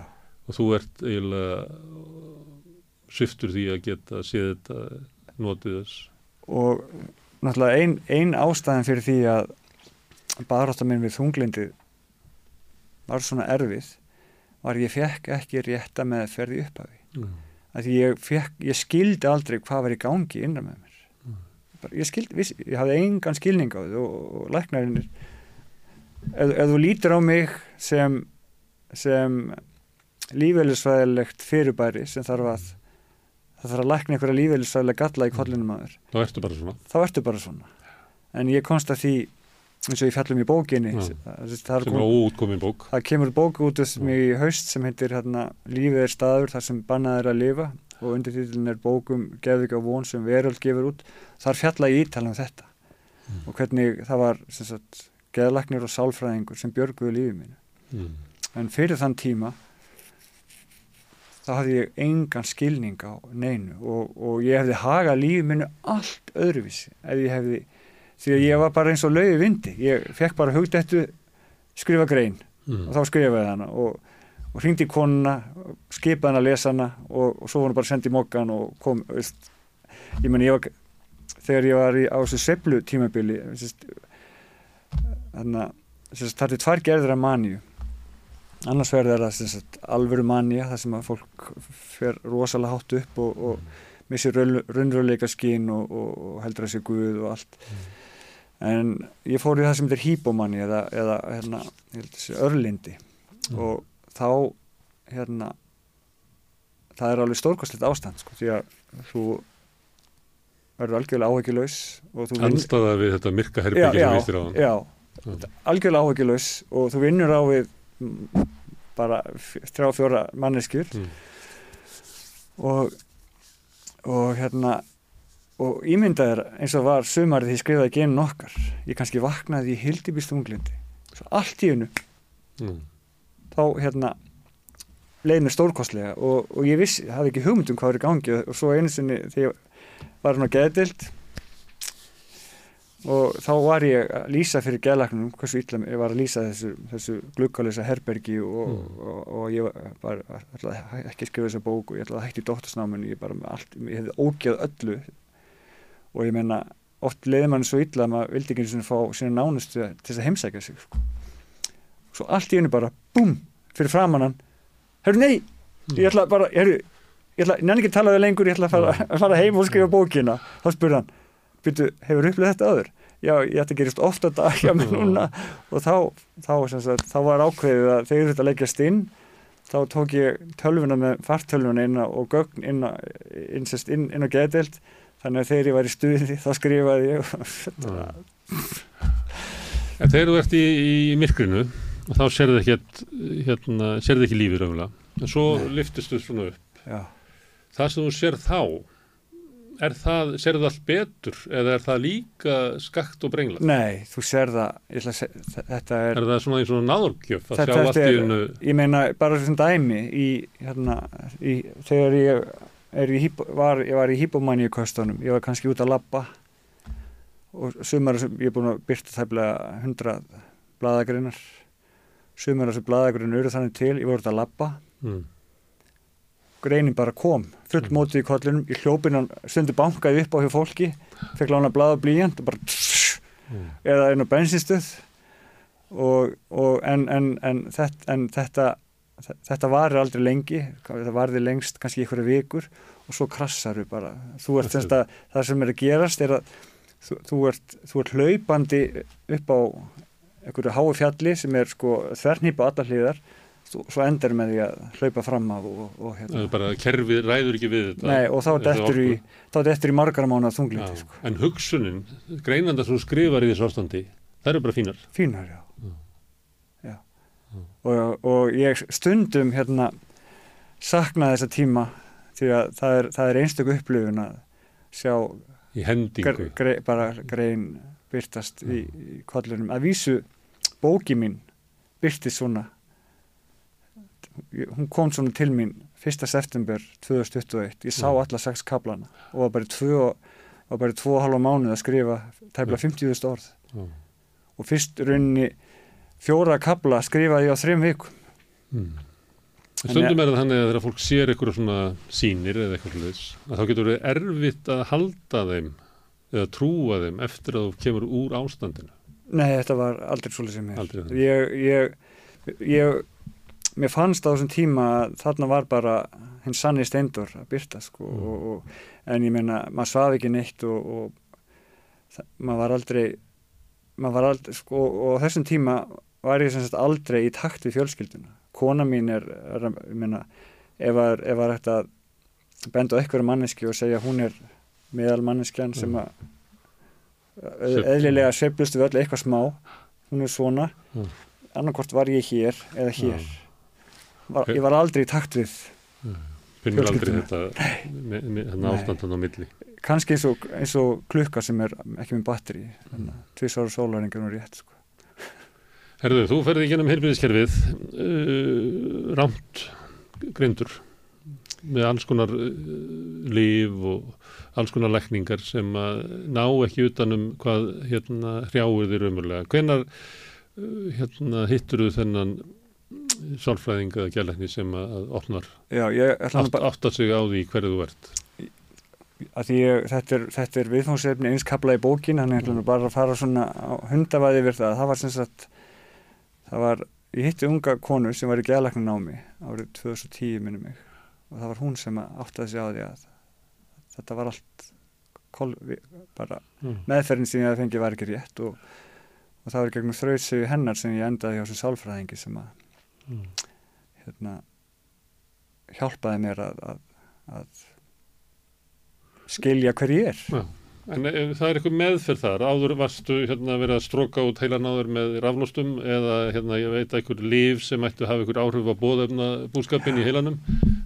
Þarna ferðu yfir í eitthvað annars konar meðferð. Og hver, er- hver er svo meðferð? Já, að því, eins og ég segja að því að vil vil að því að þetta er svo mikilvæg kapli í bókinni, bara, hún er beiti bara, það sem sálfræðingar hafa er verkefna að vinna. Já, og, og náttúrulega djúb viska sem að náttúrulega hún hefur tilhengað sér sem sem fæðali, sem kona sem hjálpaði mér og þetta gengur út á að vinna verkefni og að að, að horfast í augu við fortíðina og, og hérna og það sem þessi kona hefur gert fyrir mig er bara kraftaverk sko. en, en, en ég vil, vil svo að hafa að að ég vil ekki ef ég fer að fjalla ítala um þetta þá sér kannski fólk ekki ástættis að kaupa bókina mín Já, það er nú oft þannig að, að það vekur áhuga hjá fólki að kaupa bókina. En það sem ég er að velta fyrir mér er að, að þetta er svona áfall sem að þú ert að lýsa sem er á einum og hálfu sólaringi, sólaring. mm. og það er, verður fyrir áfallastreitu eftir það áratugum saman. Er lækningin að fara og, og heimsækja þennan Já, það halva náttúrulega- sólaring aftur? Já, það er, svo sem, það, það er bara klassísk það er, ég sem, meðferðin fólst í því að, að heimsækja þetta og Erfiða rafa þessu eitthvað stöðar í Já, heilan já, þar sem já. þetta er til friðs. og takast á við alls konar að þetta, þetta, þetta skekti alla hugsun hjá mér og, og ég er náttúrulega ég er á enn við markvært vandamál að stríða og Mm. ég sé búin að vinna með þessu sálfræðing í mörg ár en, en vá, það sem að ég til dæmis búin að klástu skelvilega erfið veikindi núna í þrjú ár Mm. líkanlega veikindi sem Mm. hefur ekkert skilt við eitthvað andlegt og, og ég veit, ég hefði ekki lifað af nema Mm. það sem að með, með, nema ég þessar sjálfsveðinu og, og ég er með ákveðin, ákveðin tæki sem ég nota hverjum degi Mm. og, og sem að hefur, algjörlega breytt lífið minn eins og ég segi greininni Já, þarna sem að, var að byrtast og bóki mín er faktist ansvar við henni mm. því hún er svo svört Mm. er að gegnum vinnum mínu með sálfræðingnum þá, þá eru erfiðu tímabilin yfirleitt bara kannski nokkra dagar eða þrjá vikur í staðin fyrir misserðu ár Já. og þrátt fyrir að ég hafi verið að glíma við hrikalega kvalafill veikindi núna í te- tefnilega þrjú ár sko. Mm. Hvað er það? það er, ég vil ekki fara út í það allt of, allt of prívat Ok, en segðu mér eitt annað. Eh, Áfallið er einn og hálfu sólarhingur. En þú er búin að vera að lýsa hérna hvernig, hvernig þú rakist um heilbriðiskerfið áratugum saman. Það er líka áfall. hrigalegt affall Mm. Hvernig var- glýmur við það? með fyrirgefningu Mm. því að fólki sem að var að hjálpa mér á sínum tíma, það gerði sitt besta og, Mm. og það þýðir ekkert að vera reyður út í hérna lækna eða, eða ég meina að því að, að, að reyði mín hún bytnar ekkert á á læknanum, hún bytnar bara á sjálfum mér Mm. þannig að ég er búin að fyr, fyrirgefa öll það, það, það er eina sem ég hef ekki gert Já, afsakið það, ég var ekki með slott Ok. síman alltaf leið. Og hérna fyrirgefningin kom eftir að kannski svona mikilvægasti bara mikilvægasta tímabil í lífið mínu var þegar ég fór að stúdira geðlæknisvæðina Mm. og áttaði mig á hérna blekkingaleiknum sem að lifjafyrirtækin hafa stundað og náttúrulega Mm. blekktu læknana að því við búum við það sjúka fyrirkomulag að lifjaðinaðurinn fjármagnar endurmentun lækna Mm. og það er náttúrulega bara surrealist ruggl Mm. og hérna og sérstaklega þegar við, eins og ég skrifaði um mörgum greinum og einnig fræðigrein, reytindir fræðigrein um hvernig þessi blekkingaleikur sem að lifjafyrirtækin hafa beitt og virðast enn beita því að þrátt fyrir að það hafi síðan ég hætti að, að, að stúdira þetta málefni fyrir rúmlega tíu árum að, Mm. að, þá hafi verið gerað tilhörun til þess að laga ástandi en ég sé ekki að það hafi skánað mikið og Það er svona andlis upplifting, uh, lagfæringar. Já, en þannig að, þannig að Það er ekki kynlisbreyting. ég hef vissa samúð með geðlæknum sem voru blektir af af hérna af, af lifiðanum en, en ég má til með að segja eina skemmtilega sögu Mm. Það, er það var hérna hann, Jóhann Ákur Sigursson prófessor í heimilislækningum. Hann, ég kynntist honum hérna fyrir nokkuð mörgum árum og hann fekk mig til að koma og tala við læknanema sem voru sjötta ári í heimilislækningum og, og ég held fyrirlestur um, um strandsóknum mínar á, á, á hvernig lifja yðnaðurinn mannuppulegar hérna, hérna læknana og bara lígur að þeim og almenningi og kostar fjölda mannslíf á hverju ári. Mm. og náttúrulega og það, sem að, og það breytist ekki neitt því að það er engin ábyrgur. Lífjafyrirtækin eru búin að græða svo mikla pening á lífinu að sektirinn sem þeim fá eru svo litlar í samanburði og forstjórnir eru aldrei settir í fangelsi. En allavega, ég held þennan fyrirlestur uh, fyrir framann læknumana og ég byrjaði að tala um veikindasögum mína og svo, það var sjúklingurinn og svo Mm. breytist ég í fræðimannin og talaði um, um sagt, og skilja áhrif lífiðanarins á læknarna svo því að búinn þá stendur upp ung kona og segir, herðu við munið, við erum að mæti aktavís og eftir Mm. Það byrjaði að kultivera þetta í greinlega í læknanáminu sko. normalisera það að þeir eru að sækja þekkingu til, til yðnar sem við vitum að við getum ekki trist Verða hálfu leiti sölumenn fyrir fyrir, fyrir lifiðina sér nú bara ópjóða skandalinn í bandaríkjunum og viða Það er verið verið að dæma fjölskylduna til sekta greiðsla sem er næri ekki að vera helmingurinn af auðnum sem þau náðu saman. Já, ímyndar, þessi faraldur í bandaríkjunum búin að kosta hundrið þúsunda mannslíf og það fyrir enginn í Fólk er fangils að dæja á Íslandi. Já, þetta fyrir enginn í fangils Það er þannig.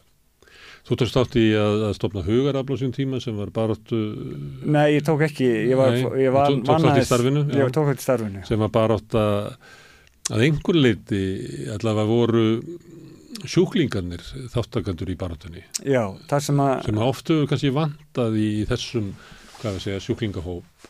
Að þetta er hópur sem að hefur ekki náð fyrir en kannski á þessari öld svona berjast fyrir eh, réttinum yfir eigin meðferð og öðru slíku það Já, svona, það, það er enn langt í land sko, langt í land. en það hefur mikið að ég byrjaði að- að Já. fjalla um, taka þátt í þessu sko og hérna það dýrmætasta sem ég lærði í hugarafli var að það felast veikindi nei, það felast verðmæti í veikindi mín já, því að ég þá? Ég bý yfir þekkingu, til dæmis ég sitt núna fyrir fram að þig Já. og er að fræða þig um hvað ég er búin að upplifa það geti engin geðlæknir gert Nei. sagt, það geti engin geðlæknir geðlæknir geti sagt að rannsóknir benda til að sumir sjúklingar fá ábeldis hugsaðinir út á ákveðinu lífi en það getur engin, það getur engin geðlæknir sagt það sem ég er að segja hvernig þið er að upplifa þetta Mm. og, og, og það feilast mikil verðmætti þessu Það eru verðmættir sem að, að eh, kannski er ekkit metin því að, að lengst af hefur hérna, hafa læknanir og eiginlega samfélagið ekki vilja hlusta á fólk með gerðarskans. Nei, en það fordómar gegn fólki með Já, náttúrulega eru enn miklir en, en, en, en náttúrulega voru rosalega, ég veit til dæmis að að þegar að svona fyrstu, það er rúmlega 20 ár síðan að fyrstu einstaklingar með geraskarni fóru að koma í fjölmil og þá voru þeir sko aldrei síndir, aldrei sínd myndaði sko, þeir voru, voru bara, bara, bara baka eitthvað skermi eða eitthvað og hérna ég er mitt ég fjallaði fyrst um, um veikindi mín ofnbegurlega í grein sem kom til lesbókinni 2007 og svo komu margar greinar í kjálfærið sko. og Mm. hérna en Þú hefur verið svona í, eh, þetta er svona frelsisbaróta svipað og hjá samkynniðum eða eh, svörtum og Já. konum og baróta fyrir gegnum það að fólk komi og, og, gangist við einhverju, eh, endur meti sko sjálfsmyndina og frá eiginfossundum og, og þetta er að sömuleitur þetta sambarleg frelsisbaróta hjá svo mörgum sko kúuðum og undirsettum hópum. já og hérna og þar kemur þetta persónuleika einkenni mitt sem að ég hef frá barnæsku, það að vilja hjálpa öðrum Já. hefur nýst mér mjög vel í, í baróttu minni en auðvitað hefur það oft leitt til mikill erfileika og, og fyrir mig og fjölskylduna því að ég var svo stjórnlaus Já.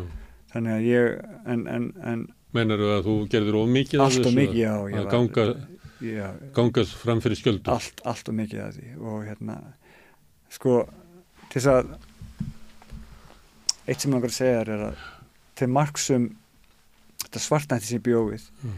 ég bjóst aldrei við að lifa lengi ég, bjó, að ég, ég var með stöðugar sjálfsvíshugsanir í áratí þannig að ég var þannig að það má, það má líta á, á ég byrja að verða ábyrjandi hérna svona 2002 og alveg til svona 2012-13 það má líta á þetta sem langan kamakasi leðangur því ég, ég bjóst alltaf við að ég myndi degi eftir næstu grein Þannig að það að, að þú stýgir fram og talir um þín eigin veikindi er tengt svona sjálfstortimíkakvötinni. Það að Ég- vilja ekki- meið, ekki- skada þig og, og, og, og svifta þig lífi.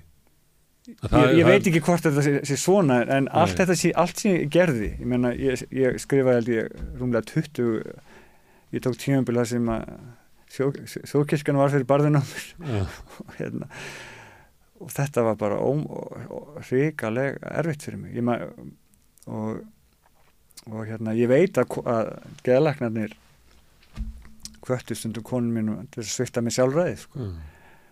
og hérna hún vildi það ekki Út af þessu hvað þú varst Að því ofinber. ég, Nei, kannski, ég var svo stjórnlaus því að þetta er ekki heilbrygt þegar að, þegar að þú ert hérna, þú, þú liggur, tökum dæmi árið 2004 þá lá ég upp í rúmi eðan og geðdild og ég gæti ekki tala með neitt það byrstust 12 bladagrinnar eftir mig það, það ár. Það hefði enginn geta ímyndað sér. Mm. að maður sem skrifaði þetta, hann gæti alltaf að tala við konun sín Mm. og tvær á þessum greinum, þrjár á þessum greinum þá var ég að raukraði Jón Steinar Gullnungsson út af hérna, fjölmiðlalögunum. Og hver, hver hefði hver með dottið í huga maðurinn sem skrifaði þetta Mm. var fastur í, í klefa þar sem hann sá enga von. Og aftur þessa greinar eru allar til svona bara allt í einu kom í kollin á mér og, og ég skrifaði En Ég skildi ekki á hana því að mér fannst þess að vera að segja það að þú hefðir hérna, uh, byrt þetta og tekið svona mikið þátt í þessu svona sömuleiti vegna þess að þú upplifir að þú myndir ekki lifa lengi, lengi. það er svo svona kjarkur sem kemur á því að þú Já. hefur enga fórna það er málið. Ég, það, þess vegna var ég, það er mál þetta, þú or, Já. orður þetta vel. Ég, ég fannst ég ekki hafa neina að tapa því að, því að ég bjóst aldrei við að lifa. Og, og, og og lengi vel bjóst ég ekki við að lifa köttin okkar en hann er nú orðinn 19 ára greið og ég er nokkuð vissum að ég mun nú lifa hans sko í dag. Hann En- en það er auga. hann blindur öðru auga, já. En þetta er önnur byrtingamynd á þessu hrikalega þunglind er, er að Mm. er að þú, ég bjóst aldrei við að ná háum aldrei En Þú hefur skrifað um og ert að segja hér frá því að þú hefur haft miklar sjálfsvíks hugsanir áratugum saman og ég er að byrja því hér að lýsa ykkur, lýs, lýsa ykkur reynslu sem að fæst okkar upplifa. Hvernig er það að, að búa inn í sér með manni sem að vil drepa sig? Hvað, ég er náttúrulega orðin ég er orðin rosalega vanur veist, og ég meina, fólk vandist því að vera í ásveit sko. en, en þetta er þá var ógnin að utan. þá ógnum við utan, já, Já. já. en þetta þetta er ég meina þetta brýtur þetta brýtur það, ég meina þú, þú, þú verður aldrei heil manneskja þegar þú vaknar og hugleiðir sjálfsvík og, og s- sofnar og hugleiðir sjálfsvík Er þetta, er bara látlaus hugsun? þegar þið vest, vest þá er þetta látlaus hugsun, látlaus hugsun. Bara það, er fyrsta hugsun á mótnarna og síðasta hugsun á daginn. já, er að eina rökrétta sem ég get gert í dag er að drepa mig. já. Og, og, og hérna fyrsta árin eins og ég fellum í greininni eftir ég kom heim þá var ég með martræður á nóttinni þar sem ég var skotin eða fjölskyldan skotin eða, þannig, að, þannig að ég var bara, ég var, ég fekk aldrei frið aldrei frið og ef, ef þú hugsar út í það að þá er rauninni bara kraftaverk ég hef bara gert þrjár alvarlegar sjálfsistilunir Mm. en ég hef oft verið hætt komin einu sinni einu sinni tók ég sem betur verið var þetta fyrir daga samfélagsmiðla. Þá, tók, þá var þá, ég man ég satt grátandi við kirkjuna í Grái og hérna það var leigubíl að keira fyrir ofan. Ég stopp, hljóp upp og stoppaði hann og baði hann um að keira mig. Sagðist þér að fara í hérna í partí í sögumbústað réttu helgafelli það var snjókoma og hann kerði mig þarna og það var náttúrulega ekkert ljós í sögumbústað en ég vissi af þessum sögumbústað því að það var fjölskylda vina minns áttan og ég fór úr sögumbústaðan og tók stefnuna beintu að helgafelli og að henda mig fram af Mm. fjallinu. Og er komið langlegin upp þegar að lö- lögga hleypum uppi og stoppa mig Það hefði leigubísan látið vita. látum við þetta já. og ég hef rokið út í svona óveður sko. einu sinni bjargaði fjölskylda mér sem að bjó í einbýlishúsi hérna, við skikni hérna, undir, undir úlfarshalli Já. það var bara stormur og ég bankaði upp og ég fekk að sitja ég man ég því að ég ég man ég var með genin okkar það voru nýlega komin út að ég gæti ekkert notið genin okkar. Ég, ég, ég, meina, ég var bara ég ba- var ónýtur. Ég var það gjörsann að rústaði mér að Mm. að skrifa hann og ég man ég var með bókina í vasanum og ég gaf fjölskyldunni eintækið. Já, svona, svona er þetta búið að vera. Og þetta er það sem kona minn hefur þurft að búa við sko. en, en lífið mitt í dag er ekki svona stjórnlega sko. Þú lýsir í greininni í ritinu eh, það sem þú kastar í sjóin, já það var, frá fötunum þínum. það var, það var surrealist maður. ég ég ég fjalla mjög ítalega um þetta í hérna bókinni, bókinni. miklu ítalega Já. og, og ég, Ég held að allir sem búin að átta sig á því í þessu samtal okkar að það fyrir að lesa bókina til þess að Já, af því, að útgefandinn er búin að banna mér að segja mikið þannig að fólk sem hafa ástæðis að kaupa þannig ég er alveg nervis hérna, hvað má ég segja, hvað má ég Þú segja sagðir áðan en ég skal að- segja Já. að ég, búin, ég lýsi svo nákvæmlega þarna já, það voru gríðarlega miklu erfleikar í lífið minn Mm. og og ég var bara búinn og, og þessi erfileikar þetta voru semst ytra áriði sem ég var fyrir sem bara rústaði lífið minn og og einhverjum tímabil, einhverjum dögum eða vikum eftir að dróti tíðinda þá, þá semst vaknaði ég kona mín er sofandi og kötturinn. Hann rumskar ekki, ég klæði mig í fötin. Og lappa niður, niður að grái sest, þar er hérna hann er þröngur vógurinn og Mm. það var semst, þegar það er stórstreymi þá er alveg rosalega ströymir hann og ég man bara, ég hugsaði eins og ég lýsi grein að, að, að sama hátt og tunglið er að þvinga hafinu þarna í gegn þá er lífið bara að buga mig. Og, og svo kom erindi Arnar Arnars upp í hugan svo Mm. brauti saman fötin. Það er hann sem er að lýsa druknuðu manni. Já, sem er velkist um í já, og slæst utan í Já. fjörugrjótið. já, eitthvað í þáveruna. og, og það heitir Martröð sem og ég hendi mér út í sjóin og ég á, á, á frost og ég var klættum allir fötum sem brautuð saman. Ég veit ekkert að hverju brautuð saman. En ég vildi ekki vera einu fötum til að flýta fyrir ferlinu. Og ég berst alveg rosalega hratt út eftir, eftir hérna, áttina höfninni á samskipum. Og svo þegar ég finn bara að ég er alveg að missa allan mátt mér er svo kallt og ég finn bara að ég, hef, ég, er að, ég er að sökkvan í vatni og þá kom bara myndirnar af konunu og börnunum upp í hugan ég kemst við illan leik að landi og hún alltaf brött fjarnarna og, og, og ég komst á land labbaði að brúna klætti mig í fötin og hérna lappaði heim, reif sjálfsvísbrifið sem ég var búin að skrifa, Mm. laðast upp í rúm og konan vissi ekki að hún sefur svo fast Sæðan þetta löngu senna. ég saði henni, veist, það er ástæða fyrir ég saði henni þetta, ég hef, ég hef á einhverjum tímapunkti sagt henni þetta en, en ég, ég saði gömlu vini mínu frá þessu og þá, hann, sambiliskona hans hafi lent í því að, að sambilismæður hennar fyrirfór sér þannig að þegar, þegar vinu minn sagði þá er hann til sambiliskonu sinni frá þessu þá, þá skipaði Mm. hún vinu mínum annarkvort að ringja ringi mig og segja mér að segja konunum frá þessu eða hann eftir að ringi í konunum mín þannig að þá sagði ég konunum mínu frá þessu Þú sagðir áðan að þú hefði skrifað bókina sem að kemur út í Sötubur sem eitthvað svona ansvaru greininni sem er núna í, í rítinu. Það sem að greinin í rítinu er, er alltaf myrk og bókin er þá svarfið því. Og þegar þú ert að lýsa þessu hérna, sjálfsvíks hugsunum að það var annars verið í þér eitthvað sem að vill drepa þig. En þá hlýtur líka að vera eitthvað í þér sem að vill endilega lifa. Því annars væri þú líklega döður. Já, það er nefnilega Hvað Já. heitir það? Afl það er, sem streytist á móti. ég veit ekki hvað þetta er þetta er, er þú ert náttúrulega að spyrja mig spurning núna sem ég aldrei, aldrei huglegt sko. ég hérna þetta, þetta er náttúrulega rosalega þörsarnakent að vera annars vegar þessi einstaklingur sem að hefur eitt megnina fullorðis árunum í að hugsa um tor, að tortíma sér.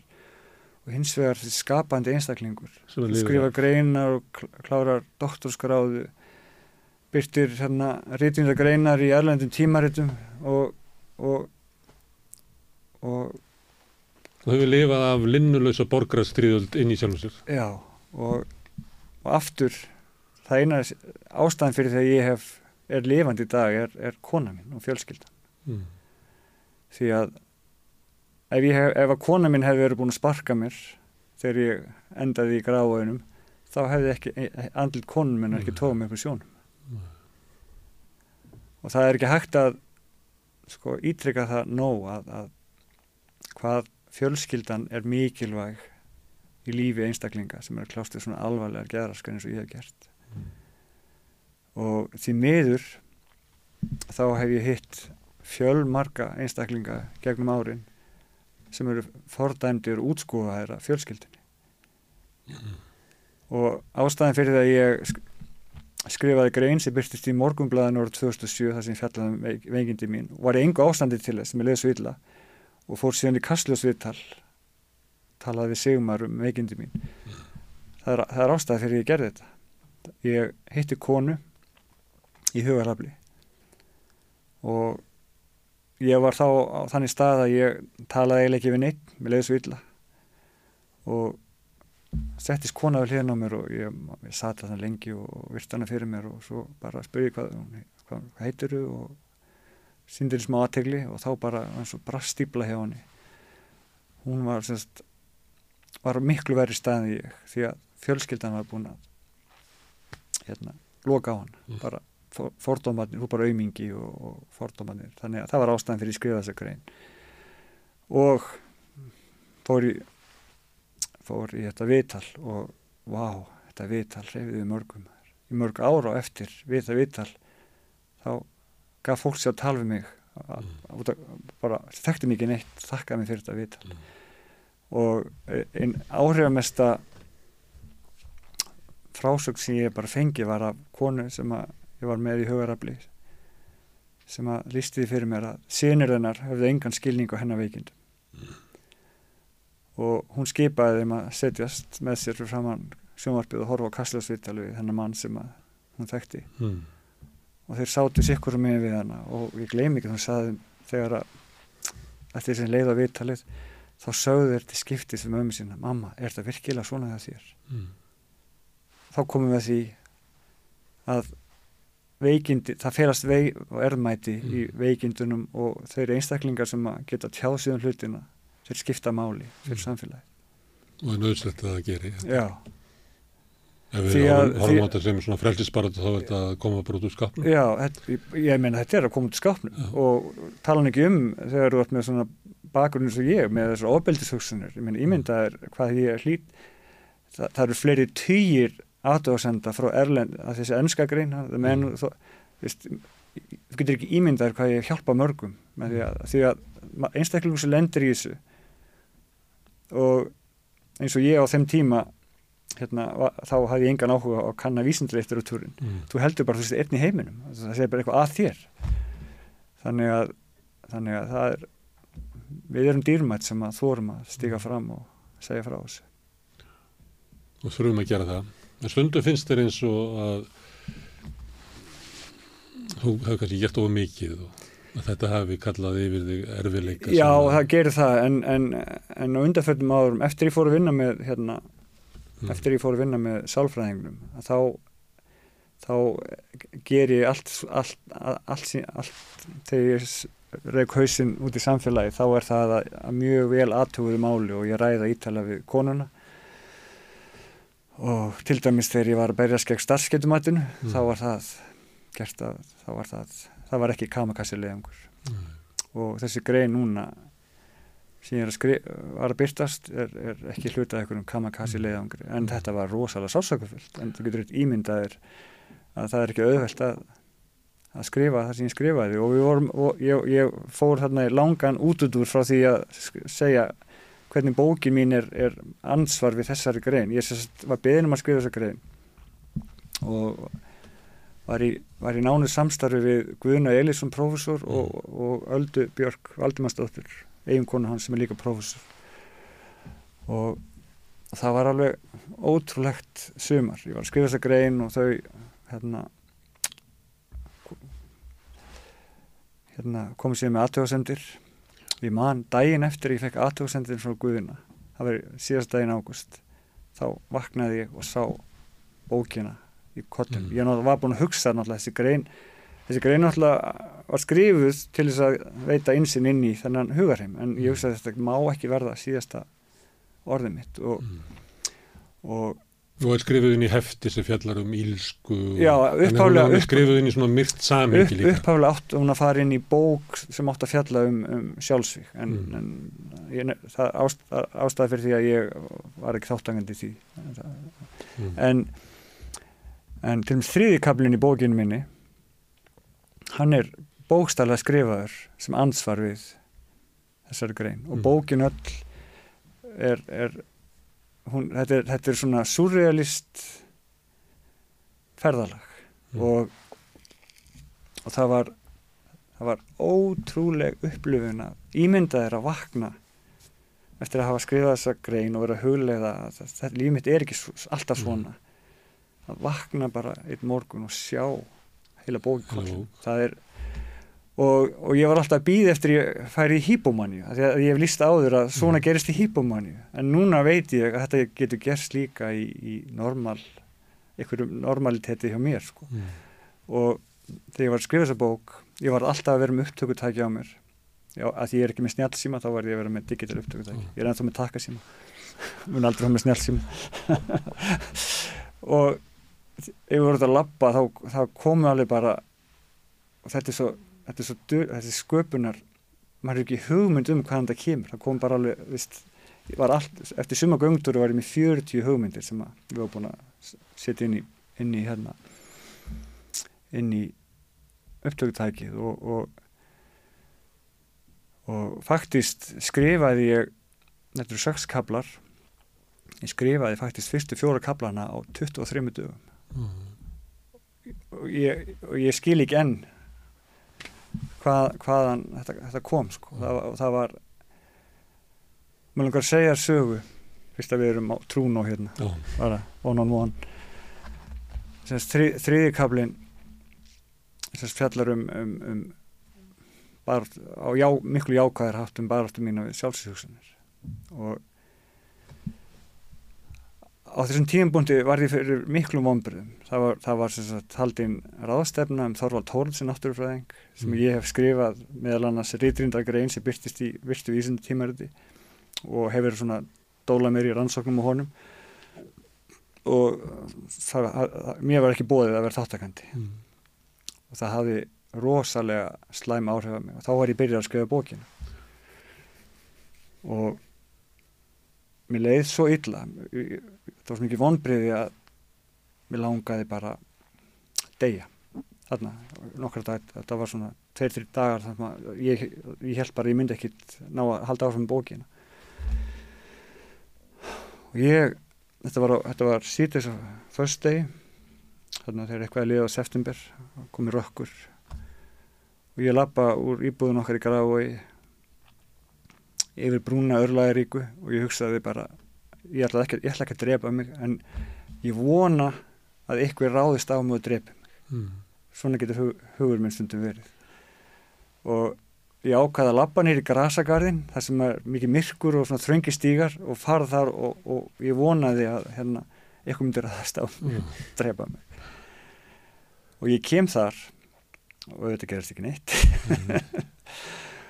og lappa síðan í áttina að gömlu laugunum þá bara allt í hennu kemur kablin sko hvernig ég ætti að taka, taka ég, ég vissi hvað ég ætla að skrifa um Mm. en kablin kom bara ég ringi konun minna og segi hvað, að ég, að hún alveg vissi ekki að ég bara lætist ég lætist út af heimilinu og ringi hérna og segi þú voru komin að ná í mig Mm. að því ég bara kablin er tilbúin í kollinum á mér og verð, ég verða að fá skriffæri og ég lappaði hérna nýri borgatún og þar sóttu konan mig með blað og penna og ég skrifaði og skrifaði og skrifaði meðan við var að keira heim og svo komum við heim og ég skrifaði kablan og beinagrindina og hann var tilbúin tveimur og hálfu sólunning síðar Mm.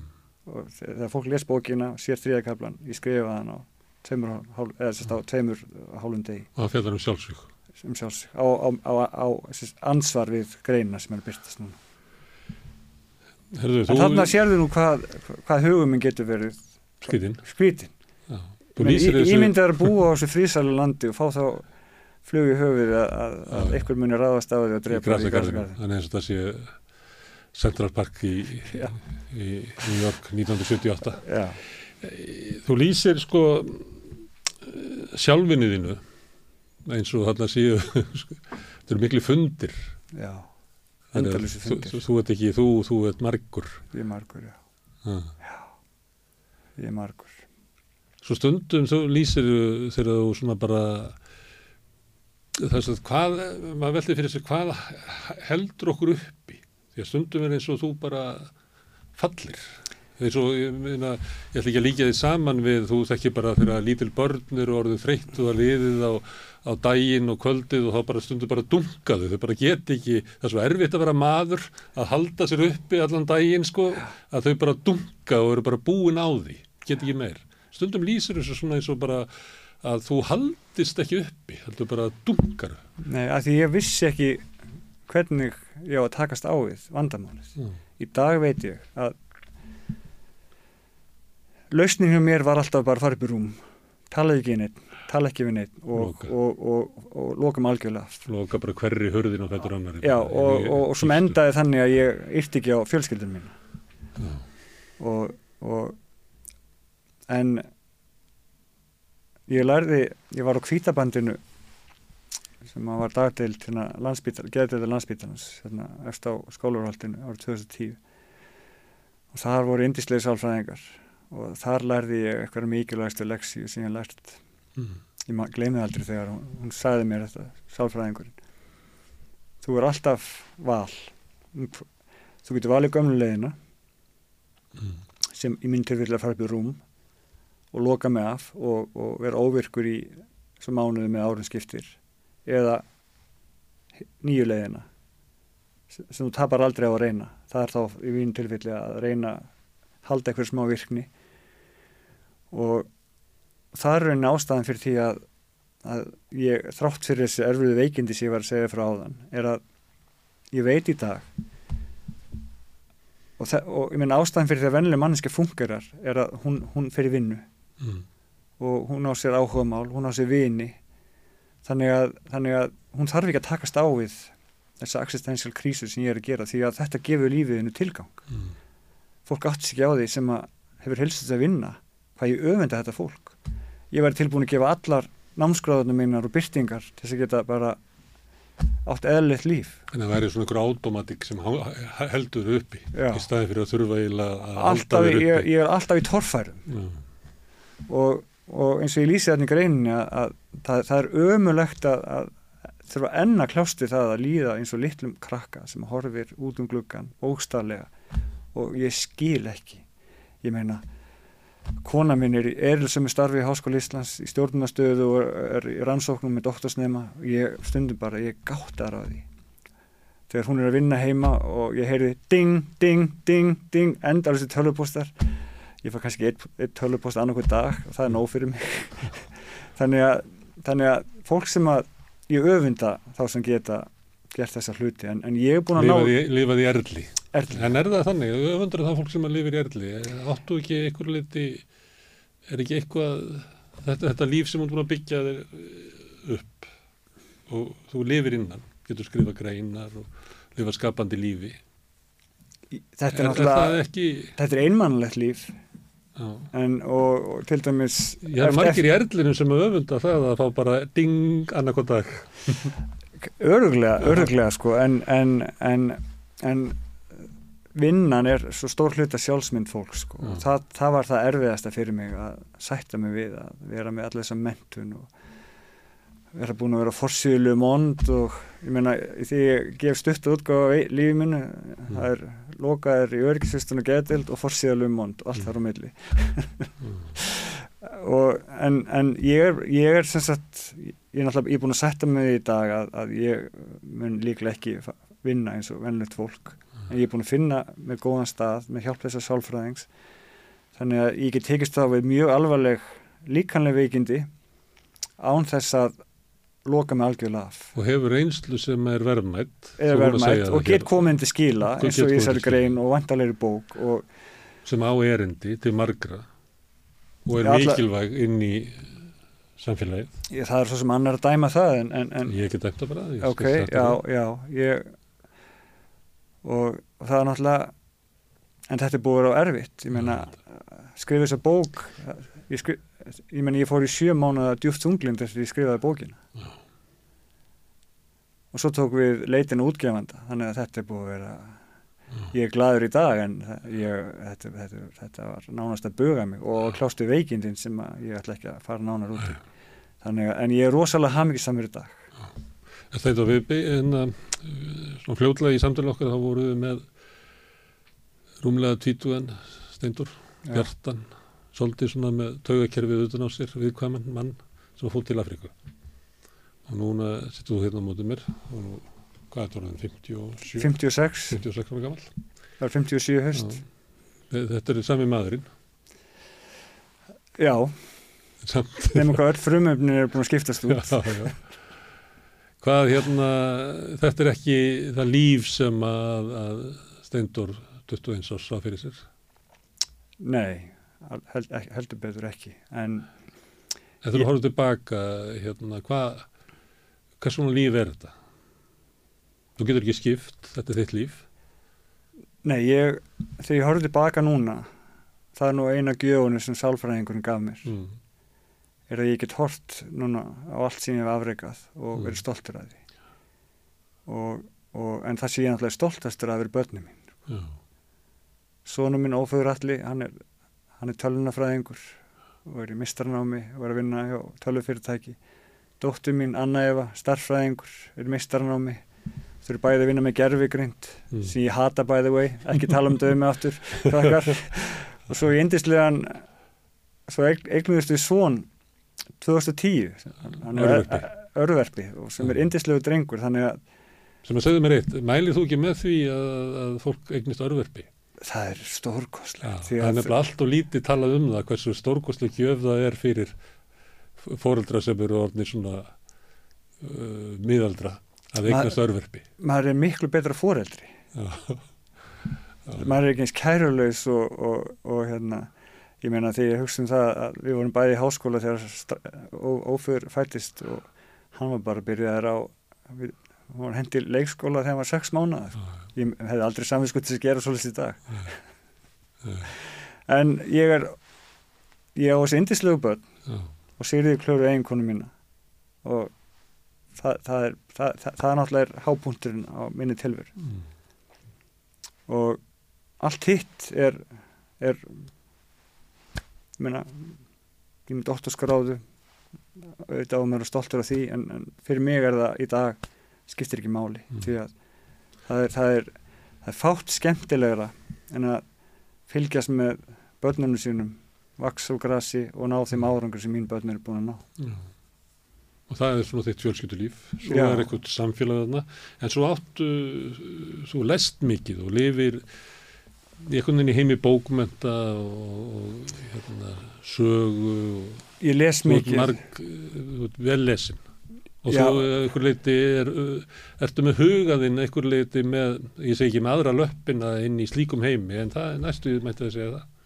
Jú, ég, ég hérna því ég var að hugsa um hérna, samtal okkar í, hérna, í morgun að þá var, var ég að hugsa, já, mér, mér líður mér líður stundum eins og Selig hérna, The Human Chameleon. Já, hann, hann var alltaf ef hann, ef hann fór með indverskri fjölskyldu þá breytist hann í indverja og, já, og ég er þannig sko, ég fæ alltaf svo mikið passjón fyrir viðfangsefnunum hvort sem það er fræði mennskan í gegnum námskráðunar eða eins og til ég heldur mér út í lífteknina og skrifaði bók eða, eða, eða trúmálin og, og ég, ég, ég kafa svo djúft á hlutin þannig ég get farið að aðeins að rökraða allavega í hálftíma við Mm. sérfræðingarna sko. Já, og eins þetta með geðlæknisvæðina og þetta er stórkostlega gjöf.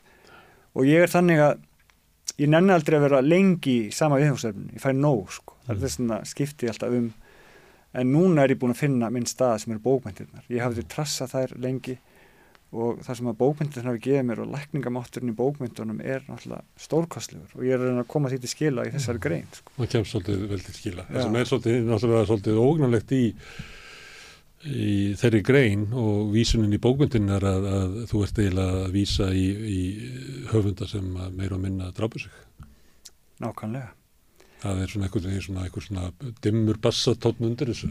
Það eru En það er höfundarnir. það bara, það er lífið sé svo erfitt að, að, að það eru bara allir sem að komast í gerna það. Þeir höfundar sem að snerta mest við mér eins og Virginia Woolf og, og Sylvia Plath sem að fyrirfór sér báðar og rúsnesku skáldin sem að sem ég fjallum í þessari bók Anna Akhmatova, Marja Tjetseva og, og Ósip Mandelstam þau lifðu öll sko góðu millistetta lífi á keisarárunum og Mm. svo bara eru þau lost eins og allir í, í umróti byltingarinnar og, og, og rugglsins sem kom í kjálfarið og, og það, er, e- það er eitthvað það er eitthvað í skrifum fólk sem hefur svona reynslu sem að snertir mig þannig að ég bara veist, það, það, það er ólýsanlegt að lesa ljóð Ósip Mandelstams Marju Tjetsefu og, og önnu Akmantó ég fær bara gæsa hóð að hugsa um þetta sko, því að þeim tekst hvert á sinn máta að að takast á við erfileikarnir sem þeim búa við og og, og gera eitthvað gott úr því. Marja Tjetseva fyrir fór sér Anna Akmantófan gerði það ekki og, og var bara hetja meðal svona hérna, andósreifingarnir í Mm. Sovjetríkjónum og Ósel Mandestam hann hérna konan held í honum lífinu. Menna, konan hefur haldið í mér lífi og Marja Tjetseva skrifaði ekki, skildi ekki við eigimann sinn því að eins og ég segi í greinni að hún sagði að maður minn myndi ekki lifa án mín. Þannig að eitt sem ég er að gera með þessari grein er að eigða mítinu um að kallinn sé sko, sterka kynið. Í mínum huga, mínu reynslu heimi er, er konan sterka kynið Já. Ja, þannig allavega í minni ættar er svona sjómanns konur sem heldu, fólki, heldu öllu gangandi. já, Það er, það er allavega, mí- mína, mína, mínar ættir eru þannig. já, Konunar eru þennan sterku. já, Herðu, Steindur, já, hérna, þú ert eiginlega búin að segja það að svona samfélagið sé lítill hluti. Þú ert með bókmyndunar, þú ert með fjölskylduna, þitt einn innan líf. En samfélag þarna úti, því við sittum nú hérna við svona rautt borð þar sem við ræðum um samfélagsmál alla daga. Hefur áhuga á samfélaginu? Finnst þér það að vera að þróast á góðan hátt eða slæman?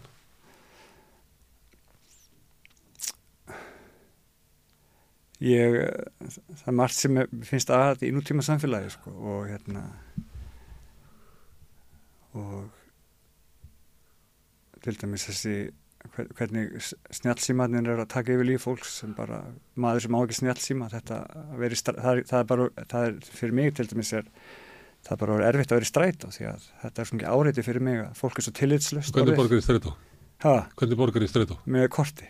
Já, og ég er bara með vísakort og, og debitkort, svona gamla mótan og, og maður sér hvernig þessi tækni er að bara heldteku líf fólks og þetta er svo mjög tímaþjófur og, og ég er náttúrulega bara steingerfingur sem er að hverfa sko, og, en, en mér- finnst þetta ekki skemmtileg þróun og þetta náttúrulega kemur niður á bókalestri Mm. Meni, ég er svo gamaldags að ég kaupi bækur vil halda á þeim geta Mhm. kvotaði þar og, og, ég veslaði bóksölu stúdenda ég hætti fyrir mörgum árum að kaupa á Amazon því ég vesla ekki glæpa fyrirtæki og ég skil ekki fólk sem getur verið á Facebook og nota Google því að þetta eru verstu einunguna fyrirtæki sem sérst, já.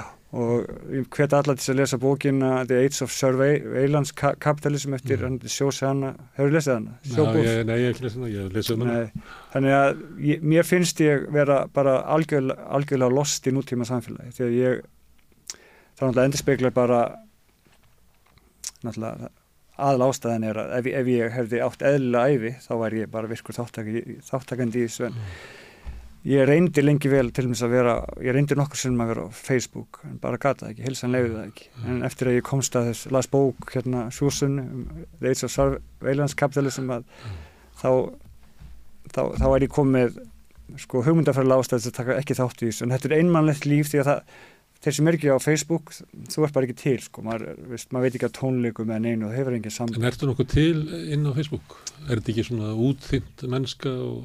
Nei, ég er ekkert að segja það, ég er bara, ég er ég, þetta nútíma samfélag hendar mér ekki, sko, og, og hérna, og ég er náttúrulega búin að vera að lifa mjög einangruðu lífi, en, en ég var svo heppin í fyrra að ég hef, hérna, ég hef kynst nokkurum mönnum í gegnum tólsporavinnu, Já, en ég var svo lánsamur í fyrra að rekast á, á gamlan skólafélag og grunnskóla sem ég hef ekki talað við ára tí og við erum perluvinir í dag, hann er Dagur Hilmarsson. Og þannig að ég kom með og það er bara, bara, er bara nýtt fyrir mér sko, eiga vinn. eiga vin. Það er bara ótrúlegt. Og svo var ég svo lánsamur líka í fyrra að kynna skýrði Eliassinni, rítuðundi, Mm. það er komin annar vinur, þetta er bara nýtt fyrir mér, Já, 100% aukning í vinnum. 100% Já, Nei, ekki alveg, að ég átti, ég var komið nokkra kunningja úr tólsporafinu en, en svona, já það sem, svona vinir það sem að og, og ég, maður er á trúnaðarsamtal við. já, já, já og, og hérna, þannig að þannig að ég sem hluta samfélagi hefur, hefur ég hef átt mjög erfitt með að hluta af samfélaginu en það er þess að ég segi ég, mér, mér líður oft eins og litlum stráks sem getur ekki tekið það til þessu Mm. og þess vegna líður mér best út í náttúrunni ég, ég, ég mér líður hvergi betur en, en það er segja fyrir utan heimilið er að, en að vera út í, náttúrunni einn Mm. og eh, labba í hlýðum esjunar eða eitthvað stær. Ég fór, fór í göngu fyrir mig dóttur minni í vikunni og löpum Ármánsfell og ok og það er svo stórkostlegt að vera þarna upp, á Kaldadal Mm. þú heyrir ekki svona fugglasing eða, eða flugur, það er, er ekkert lífið þarna Mm. mér fannst það stórkostlegt Þú lýsir miklum svona hörmungum og erfileikum en, en svo er eins og þú sért að segja að, að þú sért eitthvað nátt lukkulugur. Já, ég er farin að sjá fegurinn í lífin Mm. og það get ég þakkað f- fyrst starf vinnu mínu með, með hérna með sálfræðingnum og svo bókmyndun Og konunni. og konu þetta já. Það sem að þú hefur ekki aðganga neinu að þessu ef það ekki væri fyrir hennar nei, stund. nei, nei, Herðu, Steindor, kæra þakki til að, fyrir að koma hinga og deila reynsluðinni, styrk og vonum. Heru, takk fyrir, þetta var miklu auðvöldar en ég átti vona á Já, það er, ég held að þið jákað reynsla fyrir flesta sem að koma hinga stoppa þetta að vera- þetta búið að vera alveg magnað bara takk fyrir Já, takk, takk þér miklu heldur. Og hlustundum þökkum við kærlega fyrir að staldra hérna við Rauðaborðið og hlusta á helgispjallið þessa helgina. Rauðaborðið verður næst á mánundaginn á slæginu 8. Góða helgi.